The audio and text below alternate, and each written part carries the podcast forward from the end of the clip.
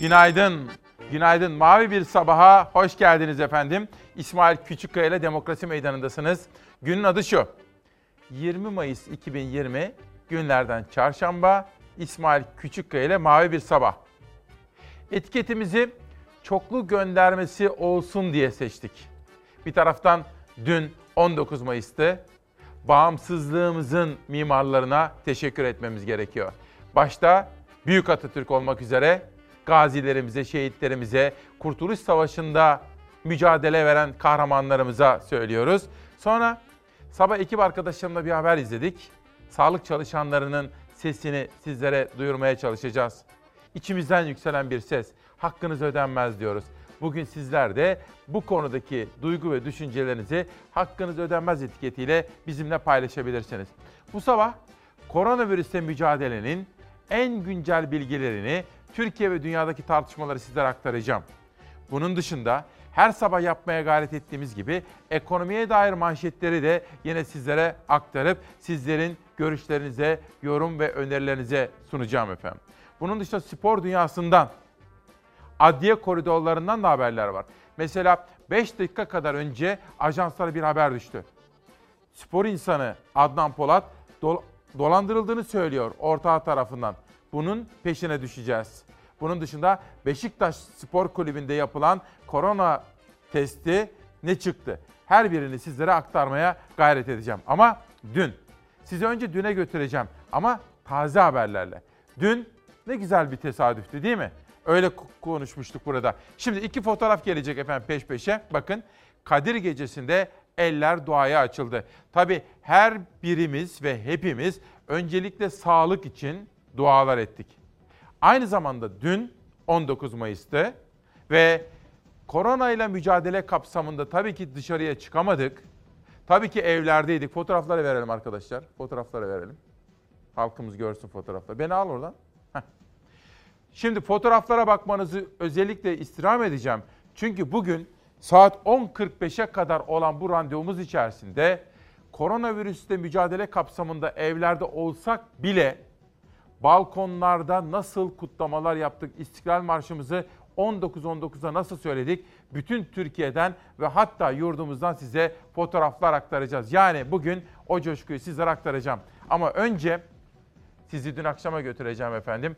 Dün akşam dualar sağlıklı günler, sağlıklı yarınlar için yapıldı.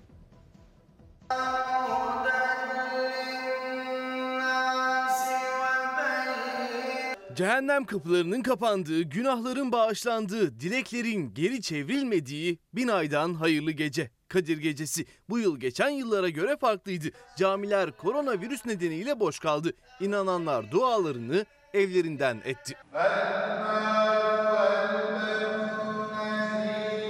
Ramazan bayramının da müjdecisi olan Kadir Gecesi, Kur'an-ı Kerim'in Allah tarafından Cebrail aracılığıyla Hz. Muhammed'e vahyedilmeye başlandığı gece. Geçtiğimiz yıllarda Kadir Gecesi'nde camiler dolup taşar, özellikle tarihi camilerde büyük yoğunluk yaşanırdı.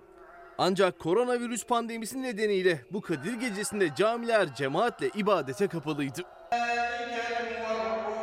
Camilerde cemaatle ibadet yapılmadı ama yurdun dört bir yanında ezan sesleri, dualar, Kur'an-ı Kerim sesleri dinmedi. Kadir Gecesi'nde teknolojiden faydalanıldı bu yıl. Camilerdeki Kadir Gecesi programı internet üzerinden sosyal medya hesapları üzerinden paylaşıldı. Mimar Sinan'ın ustalık eseri Selimiye Camii de o adreslerden biriydi.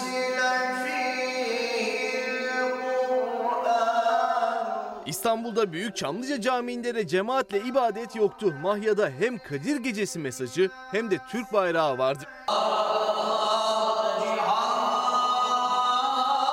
Salgın nedeniyle evlerinde ibadet ettiği inananlar dualar gün ağarıncaya yani sahura dek sürdü. Ne kadar güzel denk geldi öyle değil mi? Hem 20 hem şöyle bir baktık. 19 Mayıs'ta atamızı saygıyla andık bir taraftan milli bayramımız. Bir taraftan dini değerlerimiz dün Kadir Gecesi ve önümüzdeki hafta sonunda başlıyor dini bayramımız. O kadar güzel tesadüfler var ki benzerini biliyorsunuz 23 Nisan'da da yaşamıştık ve şimdi gazete manşetlerine geçiyoruz. Hakkınız ödenmez diyoruz bu sabah. Hürriyet gazetesiyle başlıyorum. Daima genç. Bu yılki 19 Mayıs kutlamaları salgın nedeniyle kısıtlı ama yine coşkuluydu. Vatandaşlar bayramı içlerinden nasıl geliyorsa öyle kutladı. Ve bakın Hürriyet gazetesinin birinci sayfasında pek çok fotoğraf var. Bunlardan birisi de sayfanın tam ortasında Gemlik var bakın. Gemlik'te Keltepe'ye Atatürk'ün 200 metre uzunluğunda imzası çizildi. Dün sizlere Gemlik'teki o fotoğrafı ve videosunu da aktarmıştık. Ve Anıtkabir, Anıtkabir'e dün tabi vatandaşlarımız gidemediler ama orada hangi törenler yapıldı sizlere onları da aktaracağım. Fakat Türkiye'de asıl dün 19.19'da evlerinin balkonlarına çıkıp da İstiklal Marşı'nı okuyanlar bayraklarıyla, Atatürk posterleriyle bayram coşkusunu evlerinden yansıtmaya çalışan yurttaşlarımız. Hürriyet'ten bir sonraki gazetemize geçelim. Gündeme bakalım. Cumhuriyet Gazetesi ilk adımın izindeyiz demiş. Gençler Atatürk'ün 101 yıl önce yaktığı bağımsızlık ateşinin yıl dönümünde balkonlardan haykırdı. İlk adımın izindeyiz dedi. O halde şimdi akşamdan ve geceden kalan 19 Mayıs'a ilişkin çarpıcı detaylar. Buyurun izleyelim.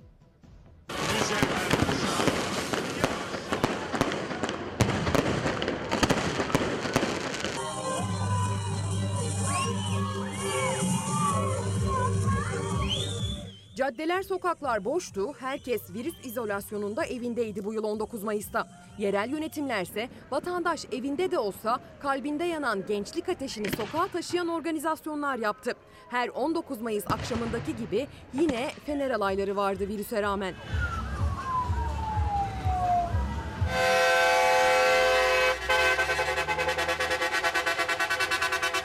Başkent Ankara'da coşku balkonlarda yaşandı. Ankara Üniversitesi Tıp Fakültesi İbn Sina Hastanesi'nin önünde ise doktor ve hemşireler kameralara yansıdı. Hastane önünde sosyal mesafe gözetilerek bir araya gelen personel saygı duruşunda bulundu, İstiklal Marşı okudu.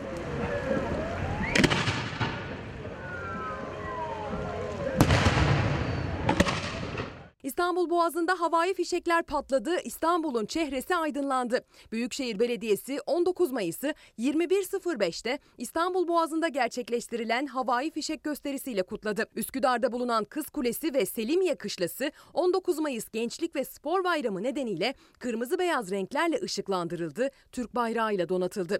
Anadolu Kavağı Mahallesi sakinleri evlerinin önünde pencere ve balkonlarda meşale yaktı.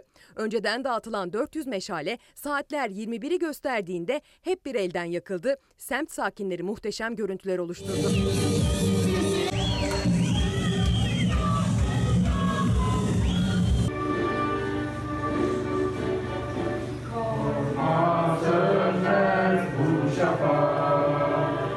Meydanı'nda bulunan özel bir hastanede acil bir ameliyat yapan doktorlar saatler 19.19'u gösterdiğinde hep bir ağızdan İstiklal Marşı okudu. Aynı zamanda ameliyata devam ettiler.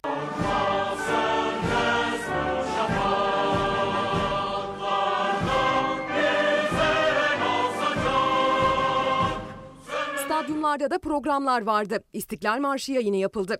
Cumhurbaşkanı Recep Tayyip Erdoğan'ın talimatıyla saat 19.19'da tüm stadyumlar İstiklal Marşı'yla inlerken kulüpler de bu anları sosyal medya hesaplarından paylaştı. İzmir'de ise otobüs üzerinde zeybek oynayan Atatürk canlandırması evlerindeki İzmirlileri coşturdu. Balçova ilçesinde balkon ve pencerelerden zeybek oynayan temsili Atatürk'ü izleyenler büyük coşku yaşadı. Sarı zeybek aman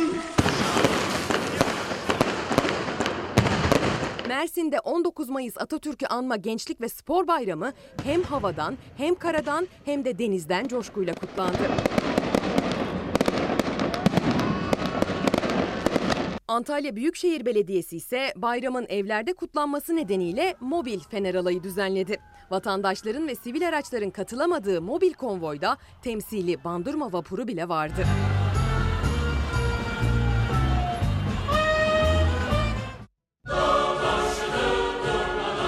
O bayram coşkusu müthişti değil mi? Ver Şeyma dinleyelim biraz.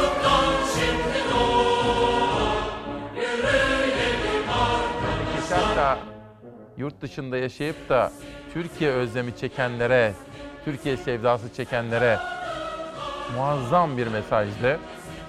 Ezgi Gözeger, Türkiye'nin çok farklı noktalarından bayrama ilişkin çok özel, çok renkli görüntüleri derledi. Başkaca haberlerimiz de var efendim bu konuda. Bugün 10.45'e kadar olan randevumuz içerisinde dün sabah, öğlen, akşam ve bugüne dair 19 Mayıs mesajlarını sizlere çok detaylı olarak aktaracağım. 10.45'e kadar her kuşakta bu konudaki haberlerimizi göreceksiniz efendim. Cumhuriyet'teki ilk adımın izindeyiz manşetinden pencereye geçiyorum.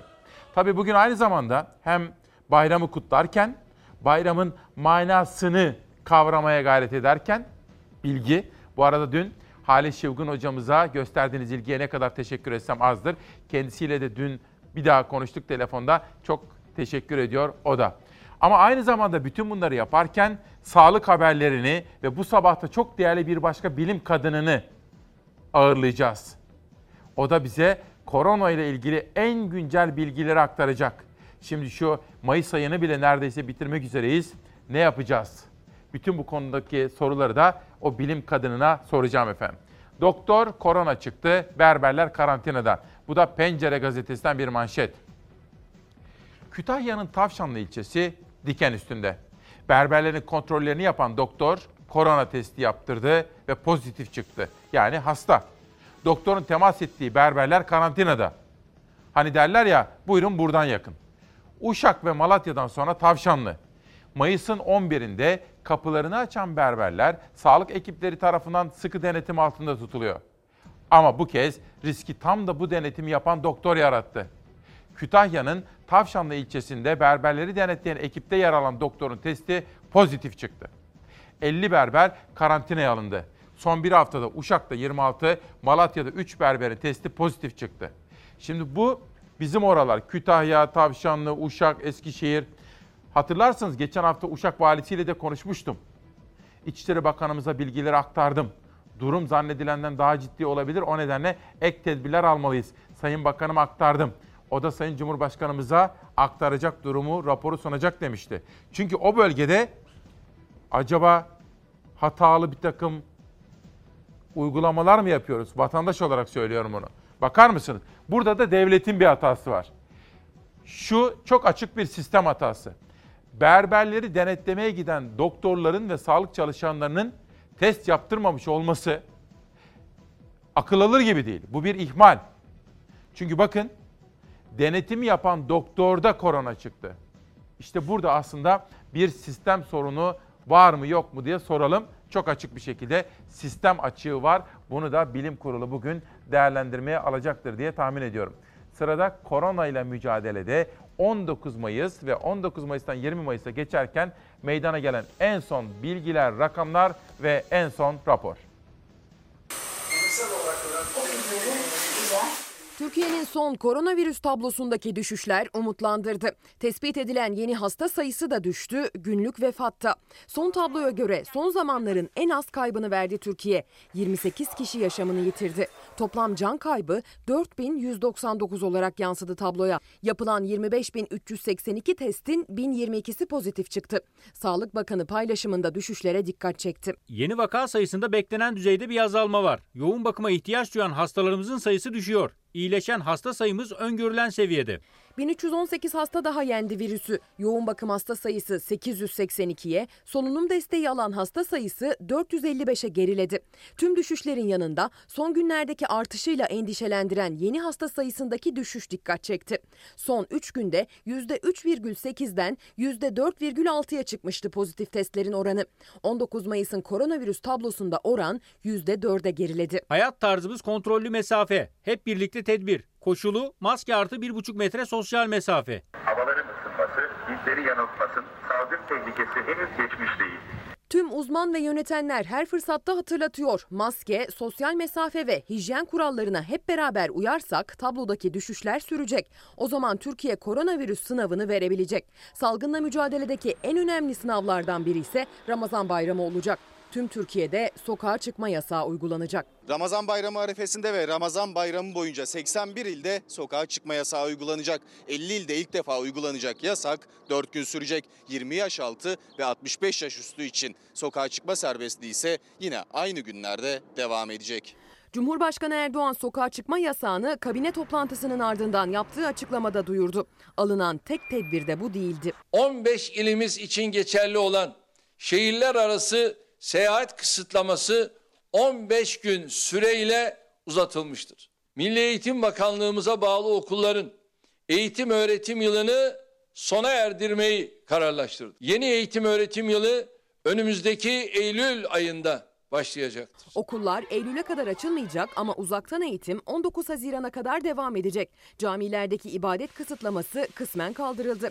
Erdoğan yaptığı açıklamada uyarıyı da ihmal etmedi. Cuma namazıyla birlikte öncelikle valilikler ve müftülükler tarafından belirlenen şartları uygun camilerden başlayarak camilerimizi ibadete açıyoruz. Sadece öğlen ve ikindi vakitlerinde cemaatle namaz kılınacak. Yine kurallar içerisinde ifa edeceğiz. Şayet salgının seyrinde olumsuz yönde bir gelişme olursa bazı tedbirleri belki çok daha sert şekilde yeniden uygulamak durumunda kalabiliriz. Daha sıkı tedbirlerle karşılaşmamak için canla başla mücadele eden sağlıkçılarsa koronavirüs raporu hazırladı.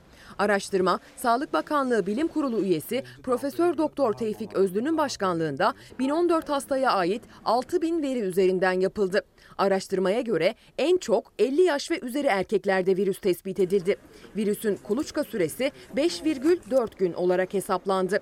Her 100 hastadan 6'sı hiç belirti göstermedi. Hastaların 3,8'i hayatını kaybetti. Yapılan araştırmada Türkiye'nin salgınla mücadelede nasıl başarı sağladığına da dikkat çekildi. Genç hastalara farklı tedavi uygulandı. İlaçlara erken başlanmasıyla solunum cihazı ihtiyacı azaltıldı. Bugün bir konuğum var. İki ayın üzerinden geçince korona ile mücadelede geldiğimiz noktayı bir bilim kadınıyla, benim sözüne güvendiğim, itimat ettiğim ve dikkatle dinlediğim bir bilim kadınıyla konuşacağım. Sizler de katılacaksınız efendim. Çünkü merak ettiğiniz pek çok soru var. Mesela yaz ayları geliyor, ne yapacağız? Bu normalleşme, önümüzdeki hafta işte bayram var, ne yapacağız? Bütün bunları da kendisiyle konuşacağım. Bu arada Malatya Hekiman'dan Erkan bir video yollamış. Cumhuriyet çocukları onlar. Ama videoyu daha sonra izleyeceğim. Bu arada benim abim Bafra'dan öğretmen Mustafa Makas diyor ki bir çevre sorunuyla ilgili bir bilgi gönderiyor bana. İstanbul'da büyük denetim, sivil toplum kuruluşlarının büyük destek verdiği denetimde yüzlerce metre hayalet ağ bulundu. Terkos Gölü'nde denetim sonucu unutulmuş ağlarda bulunan ölü canlılar suyun kalitesini de bozuyor diyor. Benim abim Mustafa Makas bana yolladığı mesajda ben de bunu hemen Ezgi'ye yönlendirdim. O da inceleyecek. Özay Karagöz İstanbul'dan İSOPDER Sportif Olta Balıkçıları Derneği kurmuşlar ve bu konulardaki çalışmaları yani doğa dostu çalışmalarını bana göndermişler. İnceleme fırsatı bulmadım ama abimden gelen bu mesajı hemen Ezgi'ye gönderdim. Haberleştirip araştıracak, sizlere aktaracağım. Pencereden Sözcü gazetesine geçelim. Hürriyet gazetesi gibi logosunun üzerinden bayrama dair fotoğrafları, enstantaneleri aktarmış Sözcü gazetesi. 19-19 resitali. 19 Mayıs coşkusu 101 yıldır dinmeden sürüyor. Bir soru soracağım. Şenaz pardon. Efendim dün akşam sizler de balkonlara çıktınız mı? 19-19'da. Ben çıktım. Böyle İslam Marşımızı okuduk değil mi? Dışarıdan balkonlardan birbirimize baktık. Evlerimiz zaten Türk bayraklarıyla, Atatürk posterleriyle doluydu. Hatta ben sonra komşumuz Handan Hanım vardı şöyle bir selamlaştık. Aslında bir ve beraber olmamız, aynı yürekten konuşmamız için bu milli bayramlar o kadar önemli ki. Ama dün hani Halit Şıvgın hocamızla konuştuk ya, manasını da kavramak gerekiyor. Çünkü bakın bir taraftan devletin televizyonunda karıştırdılar bayramı dün biliyor musunuz? Sosyal medyada bir baktım sabah hep TRT, TRT, TRT eleştiriler, eleştiriler. Çünkü 19 Mayıs için arkaya kocaman Cumhuriyet Bayramı yazmışlar. Ve çok ünlü bir futbolcumuz Arda Turan. Arda Turan'ın bir mesajı var sosyal medyada yıkılıyor. O da karıştırmış. O da 19 Mayıs'ta 23 Nisan'ı karıştırmış. Neden biliyor musunuz? Manasını anlamıyoruz. Manasına, anlamına kafa yormuyoruz. Öyle işte, öyle, öyle, öyle olmaz. Ne yaparsan aşk ile yapacaksın demeleri boşuna değil. Sözcüden bir sonraki haber gelsin. Bakalım ne var? Yakında kapımıza işaret koyacaklar. Gazetenin birinci sayfasında bu sabah baktığımda üç önemli isim gördüm. Üç gazeteci, meslektaşımız. Yılmaz Özdil, Fatih Portakal ve Soner Yalçın. Bakalım Sözcü gazetesi ne yazmış? Yılmaz Özdil, kendisi ve Fatih Portakal'dan sonra Soner Yalçın'a da atılan imar iftirası ile ilgili şu tespiti yaptı. Nazi Almanya'sında olduğu gibi kapılarımızı Yahudi evi gibi işaretlemelerine ramak kaldı. Hakimleri etkilemeye çalışıyorlar. İftira attıklarına söz hakkı tanımıyorlar. Bunlar istiyorlar ki mahkemeler karışmasın. Yandaş medya manşetleri mahkeme olsun. Bugün yaşananlar silinmemek üzere dijital arşivlere kaydediliyor diyor. Bu da Sözcü Gazetesi. Ben sadece şu kadarını söyleyeyim. Eğer iktidarımız, bizi yöneten iktidar bu kaçak yapılarla gerçekten samimi ve etkili bir mücadele yapmak istiyorlarsa buyursunlar gelsinler. Şurada Fox'un hemen yanında 200 metre 300 metre ilerisinde büyük gökdelenler var. Şimdi ben bunu söylesem bana normalde kızarlar ama şimdi kızamazlar. Çünkü bunu bizzat Cumhurbaşkanı Sayın Erdoğan söylemişti. Kendisinin okul arkadaşının şurada kocaman gökdelenleri var. Sayın Cumhurbaşkanımız demişti ki yıksın orayı. Konuşmam ben onunla bir daha demişti. Eğer iktidarımız çok samimiyse bu kaçaklarla mücadelede gelsinler bizzat Sayın Cumhurbaşkanımızın işaret ettiği oradaki kaçakları tıraşlasınlar efendim. Ben bir gazeteci olarak sadece bunu söylemekle yetineceğim ve bir sonraki gazete manşetine geçeceğim. Sözcüden Sabah gazetesine geldim. Bugün Sabah gazetesinde Eda Işık imzalı özel bir manşet görüyoruz. Güçlü Türkiye'nin yeni enerjisi diye yazmışlar manşette. 101. yıla dev armağan. Dicle Nehri'ne takılan nadide gerdanlık Ilısu Barajı'nın ilk türbini törenle açıldı. Başkan Erdoğan bu eser halkına silah çekenlere en iyi cevap dedi. Krediden yapımına pek çok engelle karşılaştığımız bu eseri kararlılığımızla ülkeye kazandırdık dedi. Tabii koronavirüs günlerinde olduğumuz için uzaktan yapılan bir tören vardı. Hatta ilerleyen dakikalarda da haberimizde göreceksiniz. Cumhurbaşkanı Erdoğan törene katılan devlet ricalini de eleştirdi. Sosyal mesafe kurallarına uyunuz dedi. Sabahtan bir sonraki gazetemize geçtiğim zaman hangi haber bizi bekliyor bakalım. Milli Gazete, koltuk koruma yasası. Bu bir beklesin Şenaz, bir beklesin. Bir sonraki habere geçelim. Nereye gidiyoruz? 19 Mayıs'tan 20 Mayıs'a geçerken. Peki bütün Türkiye'de hani 19 Mayıs'a baktık ya. Şimdi de bütün ülkemizdeki korona ile mücadele kapsamında meydana gelen görüntülerin haberi.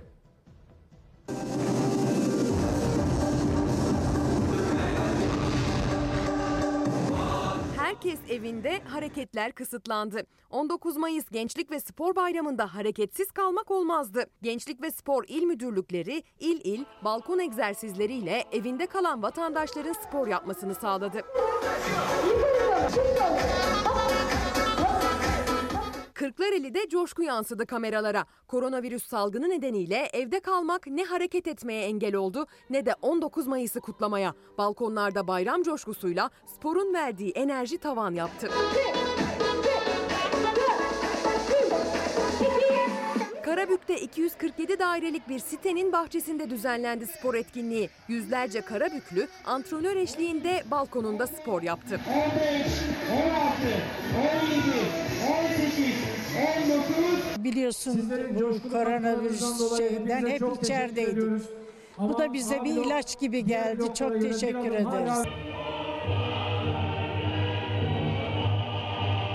Kastamonu'da İstiklal Marşı ile başladı etkinlik. Bayramın adı 19 Mayıs Gençlik ve Spor Bayramı'ydı. Haftanın adı Gençlik Haftası'ydı. Egzersizler ve konserler her yaştan vatandaşa gençlik aşıladı. 9 Mayıs etkinlikleri çok güzel oldu. Hakikaten de bizim için daha iyi oldu. 19 Mayıs Gençlik ve Spor Bayramımız, Gençlik Haftamız kutlu olsun. Sivas'ta da düzenlendi benzer bir etkinlik. Evlerinin balkonlarında, bahçelerinde düzenlenen spor etkinliğine katılan Sivaslılar hareket ederek kutladı 19 Mayıs'ı. Başladık. Atatürk'ün geleceğin teminatı olarak gördüğü gençlerse göğsümüzü kabartmaya devam etti. EBA TV'den evde izliyorduk önceden. Şu anda işlerimiz yoğunlaştığı için e, internet de çekmiyor zaten. İnternet çektiği kadar dağda bayırda yapmaya çalışıyoruz. Ayşenur Dolu da 10. sınıf öğrencisi. Balıkesir'in Sındırgı ilçesine bağlı Bayraklı mahallesinde yaşıyor. Liseyi yatılı okuyan Ayşenur virüs nedeniyle okullar tatil edilince evine döndü. Hayvancılıkla uğraşan ailesine yardım ediyor. Evinde internet çekmediği için televizyondan takip ediyor derslerini. Hayvanları otlatırkense internetin çektiği köyün yükseklerinde EBA Gov.tr'ye ulaşabiliyor ve elinden kitabı hiç düşürmüyor. Milli Eğitim Bakanı'nın da dikkatini çekti Ayşenur'un özverisi. Sosyal medyadan senin gibi öğrencilerimiz olduğu için çok şanslıyız diyerek paylaştı Ayşenur'u. İzmir Büyükşehir Belediyesi ise spor bayramında hem sporu destekleyen hem de çevreci bir projenin temellerini atmaya başladı. Hayat normalleşmeye başladığında bizi bekleyen e, sonuçlardan biri de toplu ulaşımın daha az kullanılması olacak. Mümkün olduğu kadar toplu ulaşımı tercih etmeyecekler diye düşünüyoruz. İzmir Büyükşehir Belediyesi korona sonrasında toplu ulaşıma temiz bir alternatif olan bisiklet kullanımını desteklemek için bisiklet yolu çalışmalarını hızlandırdı. Sakarya'da ise çiftçiler her koşulda üretmeye devam ediyor. Kaynarca ilçesinde sokağa çıkma kısıtlamasından muaf tutulan çiftçilerden mesaj var. Devletimize çiftçiye biraz daha yardımcı olmasını talep ediyoruz. Ee, Çünkü şu anda bütün yük çiftçimizin sırtında. Virüs salgını sürecinde var gücüyle çalışan çiftçiler üretime tam gaz devam ettiklerini söylüyor. Ya Biz üretime tam gaz devam, yılmak yok, karamsarlığa düşmek de yok. Bu konuda devletimiz nasıl üzerine düşeni yaptıysa biz de çiftçiler olarak kendi üzerimize düşme düşeni yapıyoruz. Evet o da Meksikalı gibi değil mi? Bu arada Şehnaz yönetmenim ve hemen rejide bir tartışma başladı. Daha doğrusu tartışma değil bana bir katkı verdiler. Hani dedim ya işte şuradaki binalar ama Sayın Cumhurbaşkanı o binaları yapan kişiyle önce küsmüştü. Ben onu hatırlattım ama dedik sonradan barıştılar dedi ama binalar kaçak yapıldığı söylenen, fazla çıkıldığı söylenen katlar olduğu gibi duruyor. Böyle barış ne kadar barış? İsmail Dağlı göstermelik kutlamalar yaparak değil Cumhuriyete gerçekten sahip çıkmalıyız diyor. Az evvelki haberde tarım ve çiftçiye dair manşetleri gördünüz. Sizler artık çok iyi biliyorsunuz. 7 yıldır her sabah sizlerle birlikteyiz. Birbirimizin içini dışını iyi biliyoruz. Tarım ve köylü, üretici bizim için çok önemli değil mi? Hiç sektirmeden her sabah o konudaki haberleri aktarıyoruz ki farkındalık oluşsun. Bugün Bir Gün gazetesinde Namık Alkan'ın bir haberini gördüm. Haber röportajı aslında Profesör Doktor Özkaya ile konuşmuşlar. Çiftçinin borçlu tarımında çökmek üzere olduğunun altını çizmişler ve ben ilerleyen dakikalarda ekonomik kuşağında sizlere bu haberden de biraz daha detay okuyacağım. Şimdilik sadece ilk anonsunu yapmış olalım. Ve Milli Gazete'de kalmıştık. Koltuk koruma yasası. Saadet lideri Karamollaoğlu, MHP'nin seçim kanunu ve siyasi partiler kanunundaki değişiklik teklifinin amacı muhalefeti bastırmaktır diyor. Gündeme ilişkin değerlendirmelerde bulunan Saadet lideri, MHP tarafından seçim kanunu ile ilgili değişiklik yapılması teklifini muhalefete karşı bir teklif olarak nitelendirerek iktidarlarını korumak istiyorlar. İktidarlarını korumak istiyorlar ama benim tahminim bunun da çok büyük bir faydasının olacağı kanaatinde ben şahsen değilim dedi. Bugün bu konuda Abdülkadir Selvi'nin de Hürriyet'teki köşesinde bir ipucu yakaladık. Selvi diyor ki bu baraj tartışması ve sistem tartışması durduk yerde çıkmış değil diyor. Benim Selvi'nin yazısından anladığım barajı indirecekler. Çünkü iktidar baraj, %10 baraj var ya seçim barajı bundan bahsediyorum. Selvi'nin yazısından anladığım o ki iktidar bu seçim barajının artık etkisiz ve işlevsiz hale geldiğini söylüyor. Çünkü diyor yazar, baraj var ama küçücük partiler bile işte CHP ile ittifak yapıyorlar ve parlamentoya milletvekili getirebiliyorlar. Yani etkisiz hale geldi diyorlar. Dolayısıyla bu konu bence de önümüzdeki süreçte gündeme gelebilir. Baraj bilemedim 5 ya da 3 oralara kadar indirilebilir diye tahmin ediyorum efendim ama takip edeceğim. Milli Gazete'ye de şimdilik bir parantez açalım ve akşama geçelim. Bu konuyu önemsiyorum ve ilerleyen dakikalarda bilim kadını misafirimiz geldiği zaman ona da soracağım. Özgül Öztürk imzalı bir manşet. Önce test, sonra tatil. Sağlık pasaportu geliyor. Avrupa Birliği seyahatlerde koronavirüs testini de içeren sağlık pasaportu şartını tartışıyor. Türkiye'de ilk adım olarak yurt dışından gelenlerden son 48 saatte alınmış test istiyor diyor. Zaten ilerleyen dakikalarda Zafer Söken'le birlikte hazırladığımız dünya manşetlerine bakarken Beyza Gözeyik de özellikle Amerika'daki bu tartışmaları sizlerin huzurlarınıza getirecek. Peki hazır sözü dünyadan açmış iken dünyada meydana gelen koronaya dair gelişmelerle haber yolculuğumuzu sürdürelim. Salgında normalleşme süreci hızlandı. Seyahat yasaklarını kaldırma planları masaya geldi. Amerika Başkanı Trump'ın suçladığı Dünya Sağlık Örgütü hakkında uluslararası bağımsız soruşturma başlatılmasına karar verildi. Dünya genelinde Covid-19'a yakalanan kişi sayısı 5 milyona dayandı. Virüsten ölenlerin sayısı da 325 bine yaklaştı. Salgın dünya üzerinde hemen her yere ulaştı. Hastalığın görülmediği tek yer Antarktika kıtası. Covid-19'un en etkili olduğu ülke Amerika. Virüsten dolayı hayatını kaybedenlerin sayısı 95 bine tırmandı. Salgın etkisini göstermeye devam ederken ülkedeki aşı deneylerinin ilk aşamasının ise olumlu sonuçlandığı duyuruldu. Deneyleri yürüten şirket ikinci faz için izin alırken Temmuz ayında üçüncü faza geçmeyi hedefliyor. Amerika lideri bir yandan da Dünya Sağlık Örgütü'nü hedef aldı. Örgütün Çin'in Wuhan kentinde yayılan virüsten haberdar olduğunu ancak bu bilgiyi dünya ile paylaşmadığını söyledi. Trump, Covid-19'u pandemi ilan etmekte geç kalmakla suçladığı Dünya Sağlık Örgütü'nün Çin'in kuklası olduğunu savundu. Amerika Başkanı Birleşmiş Milletler'e bağlı örgütün reforma gitmesini talep etti. 30 gün süre verdi. Reform gerçekleşmemesi durumunda askıya alınan finansal desteği kalıcı olarak dondurmakla tehdit etti. Bu arada Amerika ile birlikte yüzün üzerinde ülkenin eleştirdiği Dünya Sağlık Örgütü hakkında soruşturma başlatılmasına karar verildi. Normalleşme adımlarının atıldığı Avrupa'da gündem seyahat yasaklarının kalkması. İspanya ve İtalya iki ülke arasında doğrudan seyahatlerin önümüzdeki günlerde başlaması kararlaştırıldı. Seyahat edenler 14 günlük karantina kuralına uymak zorunda.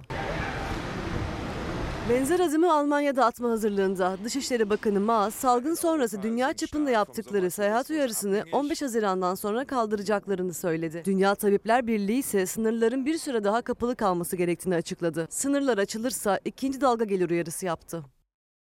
Yurttan ve dünyadan en taze manşetleri sizlere aktarmaya gayret ediyoruz. Yeni yeni manşetler. Bir taraftan da her sabah günün gazetelerini beraber okurken köşe yazılarında beraber derli toparlıyoruz. Selvi'den bahsetmiştim. Emin Çöleşan da bugün Mansur Yavaş ve Ekrem İmamoğlu'ndan başlayarak CHP'li belediyeler diyor. Ama CHP'li belediyeler derken aslında kastettiği Millet İttifakı'nın belediye başkanları.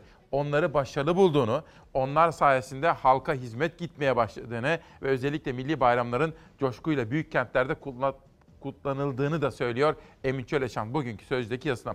Hadi gelin hep beraber bir de sosyal medyaya bakalım. Biraz yarenlik yapalım öyle değil mi? Eyüp Geyikçi 18 saniye önce bana bir mesaj yollamış. Soğanları gündeme getirin diyor. Bakın hani çiftçi demiştim ya soğan meselesi. Rami Bey, İsmail Bey halkı bankalara borçlandırdılar. Küçük esnafı da nasıl ödenecek bu borçlar diye soruyor bakın. Bunlar halkımızın gündemi. Soğan, bankalar. Ayşegül abi üniversite sınavını konuşalım. Bir ileri bir geri bizler gelecek değil miyiz? Maskeyle sınava gelecekmişiz. Ne yapalım ölelim mi diyor.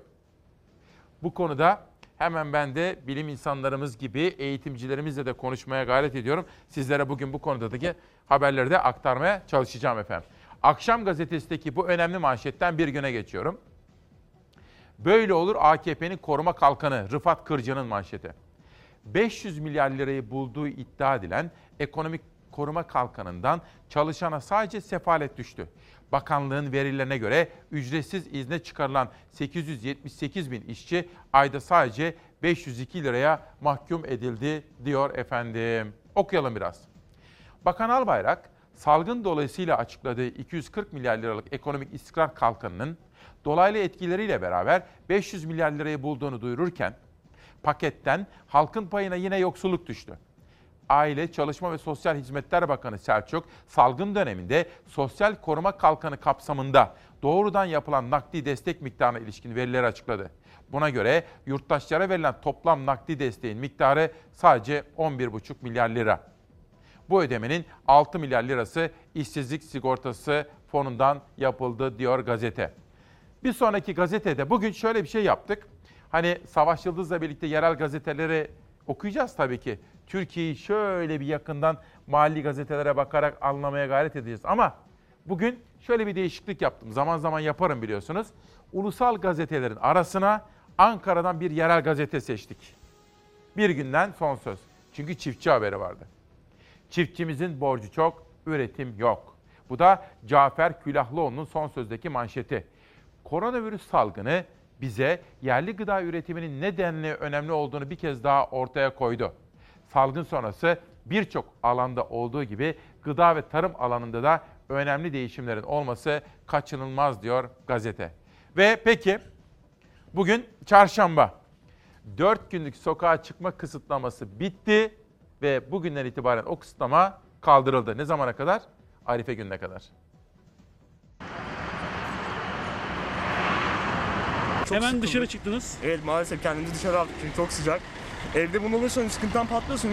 O yüzden kendimizi dışarı attık vallahi bize ne yapalım. 4 günlük kısıtlama bitti, 3 günlük serbesti başladı. Salı gece saat 24'ten itibaren sokaklar yine kalabalıklaştı. Otoyollarda, şehirlerin giriş çıkışlarında yoğunluk vardı. Koronavirüs salgınının en kritik seviyede olduğu İstanbul'un Boğaz köprülerinde gece 12'den itibaren trafik yoğunluğu oluştu. Megakentin ana arterlerinde 4 günlük kısıtlama süresince trafik yoğunluğu %1 seviyesine gerilemişti. Gece yasak biter bitmez sokağa çıkanlar gece yarısını sadece yarım saat geçe trafik yoğunluğunu %11'e kadar yükseltti. İstanbul'a girişler de yoğunlaştı gece yarısı. Trakya'dan İstanbul'a gelen sürücüler Silivri'de uzun araç trafiğine neden oldu. Araç kuyrukları sürücülerin dakikalarca trafikte kalmasına sebep oldu. İstanbul Bayrampaşa'da ise caddeler insan seline uğradı. Köpeğini bahane edenler de vardı, spor yapanlar da. 4 günlük yasak bitti. Evet. Hemen sokakta aldık galiba. Maalesef evde köpeğimiz var onu gezdirmek istiyoruz. Evet. O da sıkılıyor. Biz de sıkılıyoruz ayrıca. Gerçekler bunlar. Yani yalan söylemeye gerek yok. Yasaklar bitti hemen spora mı çıktık? Aynen böyle. Ama maskeniz eksik. Maskeyle koşamazsın. Evet, doğru. Sıkıntı oluyor. Caddeleri dolduran vatandaşların pek çoğunun maske kuralına uymadığı yansıdı kameralara. Şimdi birazdan dağılırlar. İnsanlar biraz nefes almaya ihtiyaç var. Eski günlerini özlüyorlar. O yüzden yarım saate kadar herkes evine gider yani. Siz ama çıkmıyorsunuz. Bayrampaşa'nın bir diğer yoğunluğuysa her kısıtlama sonrasında olduğu gibi sebze ve meyve halindeydi. Esnaf ertesi gün yapacağı satış için hale alışverişe geldi. Polis ekipleri halde denetlemeleri yoğunlaştırdı. Maskelerimizi takalım. Maskesi olmayana maske verelim. takdirde idari işlem yapılacaktır. İstanbul Şirin Evler'de ise gece yarısından sonra sokağa çıkan vatandaşlar caddelerde yoğunluk oluşturdu. Kalabalıklar arasında maskesiz vatandaşlar dikkat çekti. Ben kaçtım polisten. Bursa'da ise kısıtlamanın bitmesine 20 dakika kala sokağa çıkan bir vatandaşla polis arasında kovalamaca yaşandı. Aracıyla kısıtlamayı delerek 12'den önce sokağa çıkan vatandaş bir süre polisten kaçtı ama kurtulamadı. Aracı trafikten men edilen sürücüye trafiği tehlikeye düşürmek, dur ihtarına uymamak gibi çeşitli suçlarla İl Hıfzı Sıha Kurulu kararına uymadığı gerekçesiyle toplam 8713 lira ceza kesildi. Ve bir taraftan bugün 19 Mayıs'ı da dünden başlayan gelişmeleri aktaracağım. Ama bir taraftan sağlık çalışanları sizlere ifade etmeye gayret ettim ya. Bir önemli bilim kadını gelecek. Sağlık çalışanları bakın Gülay Altunkeser. İsmail Bey hakkınız ödenmez. Ben bir sağlık çalışanıyım. Şu an size 24 saatlik nöbetten yazıyorum. Bizlere hakkınız ödenmez dediler ama gerçekte yıllarda ödemiyorlar. Bir haber hazırladık. Onu da sizlere aktaracağım. Bu arada Nihal Kemaloğlu dikkatimi çekiyor bir gelişmeye, bir manşete. Ankara Sanayi Odası Başkanı Özdemir, özel sektörün kamudan alacağı olan, hani özel sektör devletten alacaktı ya, 200 milyar lira için bir önerisi olmuş ASO Başkanı'nın. Diyormuş ki devlet para vermesin, çünkü para verecek durum yok, nakit vermesin tamam ama para yerine kupon versin diyor. İlginç bir öneri. İlerleyen dakikalarda netleştirelim efendim. Kürşat Oğuz, Birinci Dünya Savaşı bittiğinde Türkiye'yi parçalamak istediler. Atatürk o büyük güçlere hayır savaşacağım dedi. Hayır savaşacağım. Bu verdiği en büyük derstir. Amin Maluf biliyorsunuz dünya çapında bir yazar. Hayran olduğu lideri böyle anlatmıştı söyleşimizde. Bayram için hatırlatalım dedi. Ben de Kürşat Oğuz'un Amin Maluf'tan almış olduğu o bir dakikalık videoyu o kadar beğendim. Atamızı anlamak için şöyle dikkatle ama hani nasıl deriz can kulağıyla takip edelim olur mu? Atatürk ise Birinci Dünya Savaşı bittiği gün büyük güçler ona uymayan bir karar aldıklarında hayır dedi, karşı çıktı. Birinci Dünya Savaşı bittiğinde söz konusu devletler oturup Türkiye'yi şu şu parçalara böleceğiz dediler. Ama bu onların ordularını gönderip bunları dayatmaya hazır oldukları anlamına gelmiyordu. Birisi hayır bu bana uymaz, kabul etmiyorum, savaşacağım deyip bunu da yaptığında çekilmek zorunda kaldılar. Çünkü bedel ödemeyi göze alamadılar. Bu Atatürk'ün verdiği büyük bir derstir. Eğer ne istediğinizi biliyor ve bunun için savaşmayı göze alıyorsanız, kendinizden çok daha büyük güçleri geri çekilmek zorunda bırakırsınız. Çünkü sahada sizden güçlü değillerdir. Atatürk ise çok daha iradi ve cesur değil, aynı zamanda çok da akılcı bir tutum sergiledi. Şehnaz da benim gibi çok sevdiği bir yazarmış ben de. Hemen herhalde bütün kitaplarını okudum. Araştırmalı denemeleri de sadece romanları değil efendim. Büyük bir yazardır. Tadı, lezzeti, edebi lezzeti de yüksektir gerçekten. Benim başucu yazarım Stefan Zweig ise bir o kadar sevdiğim Amin Maluf'tur. Şimdi defterimde atamız biz çocuklara, siz çocuklara, gençlere, hepimize neler söylüyor biliyor musunuz? Bir tavsiyede bulunuyor. Zeki olabilirsiniz. Ama bu değil atamızın istediği. Gelin okuyalım. Türkiye Cumhuriyeti'nin özellikle bugünkü gençliğine ve yetişmekte olan çocuklarına hitap ediyorum.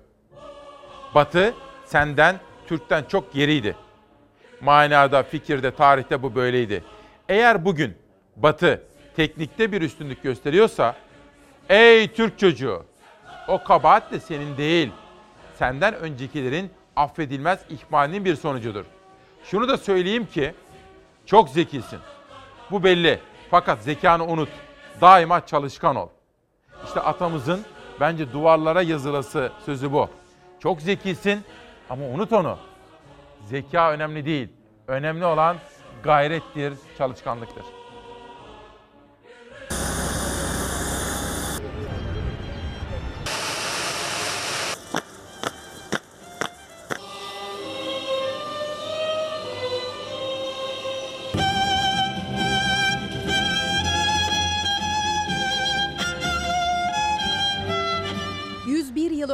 İşgal altındaki ana vatanda İngiliz vizesiyle gidilebilen Samsun'a Türk Hava Yolları bugün özgürlüğün doğum günü için uçtu.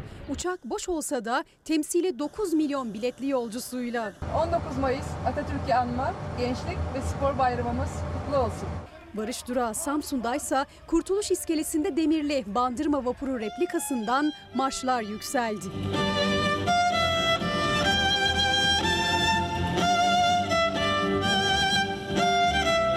Ulusal bağımsızlığa ilk adımın atıldığı 19 Mayıs'ın coşkusunu yaşıyor Türkiye. Yürekler 101 yıl öncenin heyecanıyla atıyor. 81 ilde kutlamalar vardı.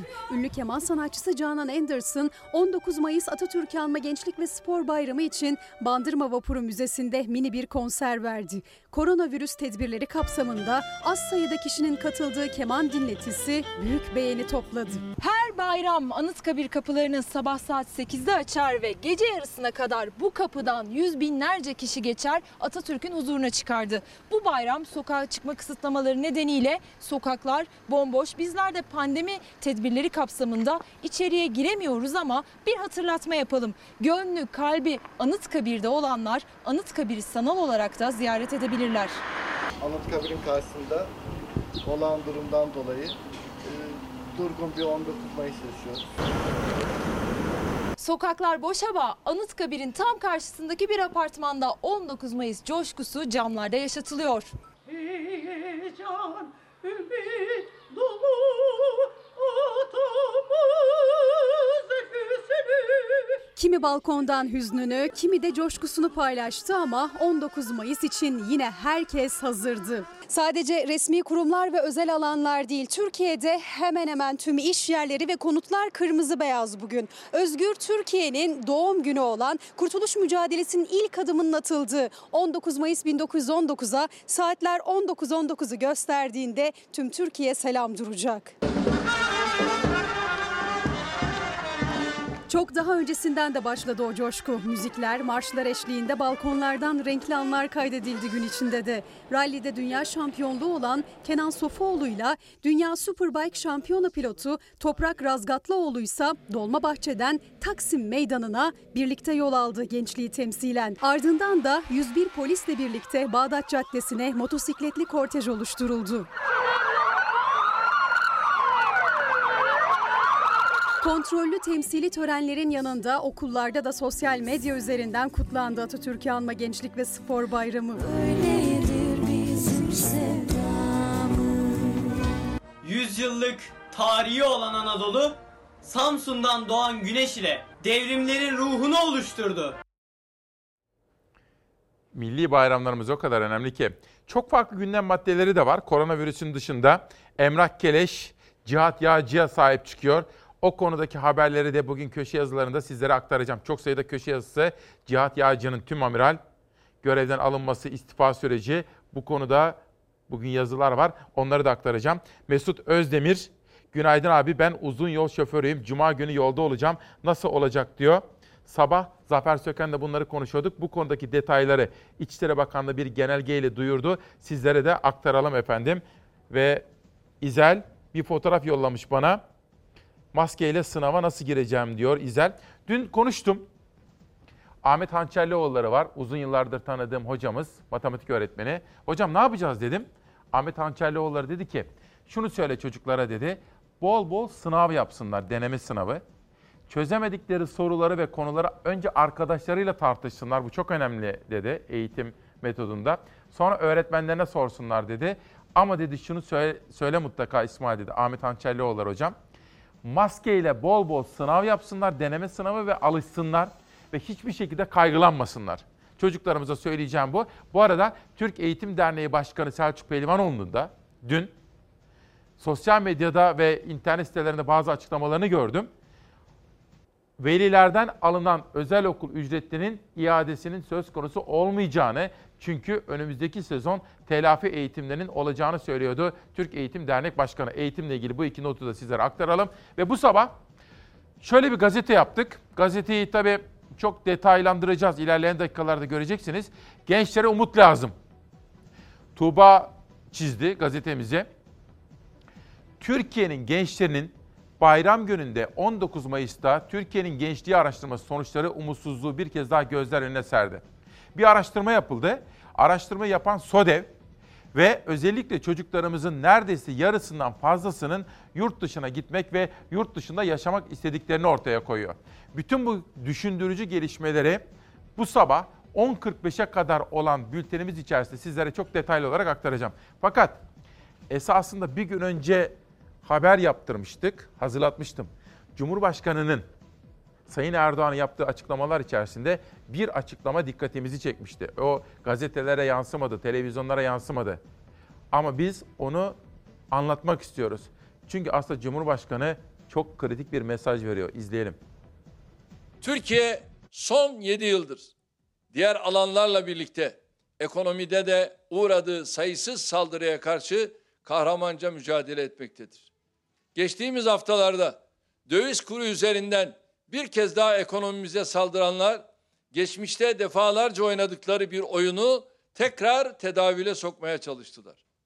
2018 Ağustos'unda maruz kaldığımız sinsi saldırının ardından aldığımız tedbirler ve geliştirdiğimiz mekanizmalar sayesinde bu atağı boşa çıkarmayı başardık. Türkiye'nin hemen her büyük hamlesinin ardından yeniden girişilen bu saldırıların ardındaki hazımsızlığı gayet iyi biliyoruz. Doğrudan veya dolaylı olarak bu alçak oyuna alet olanları da dikkatle takip ediyoruz. Şunu açık ve net söylüyorum.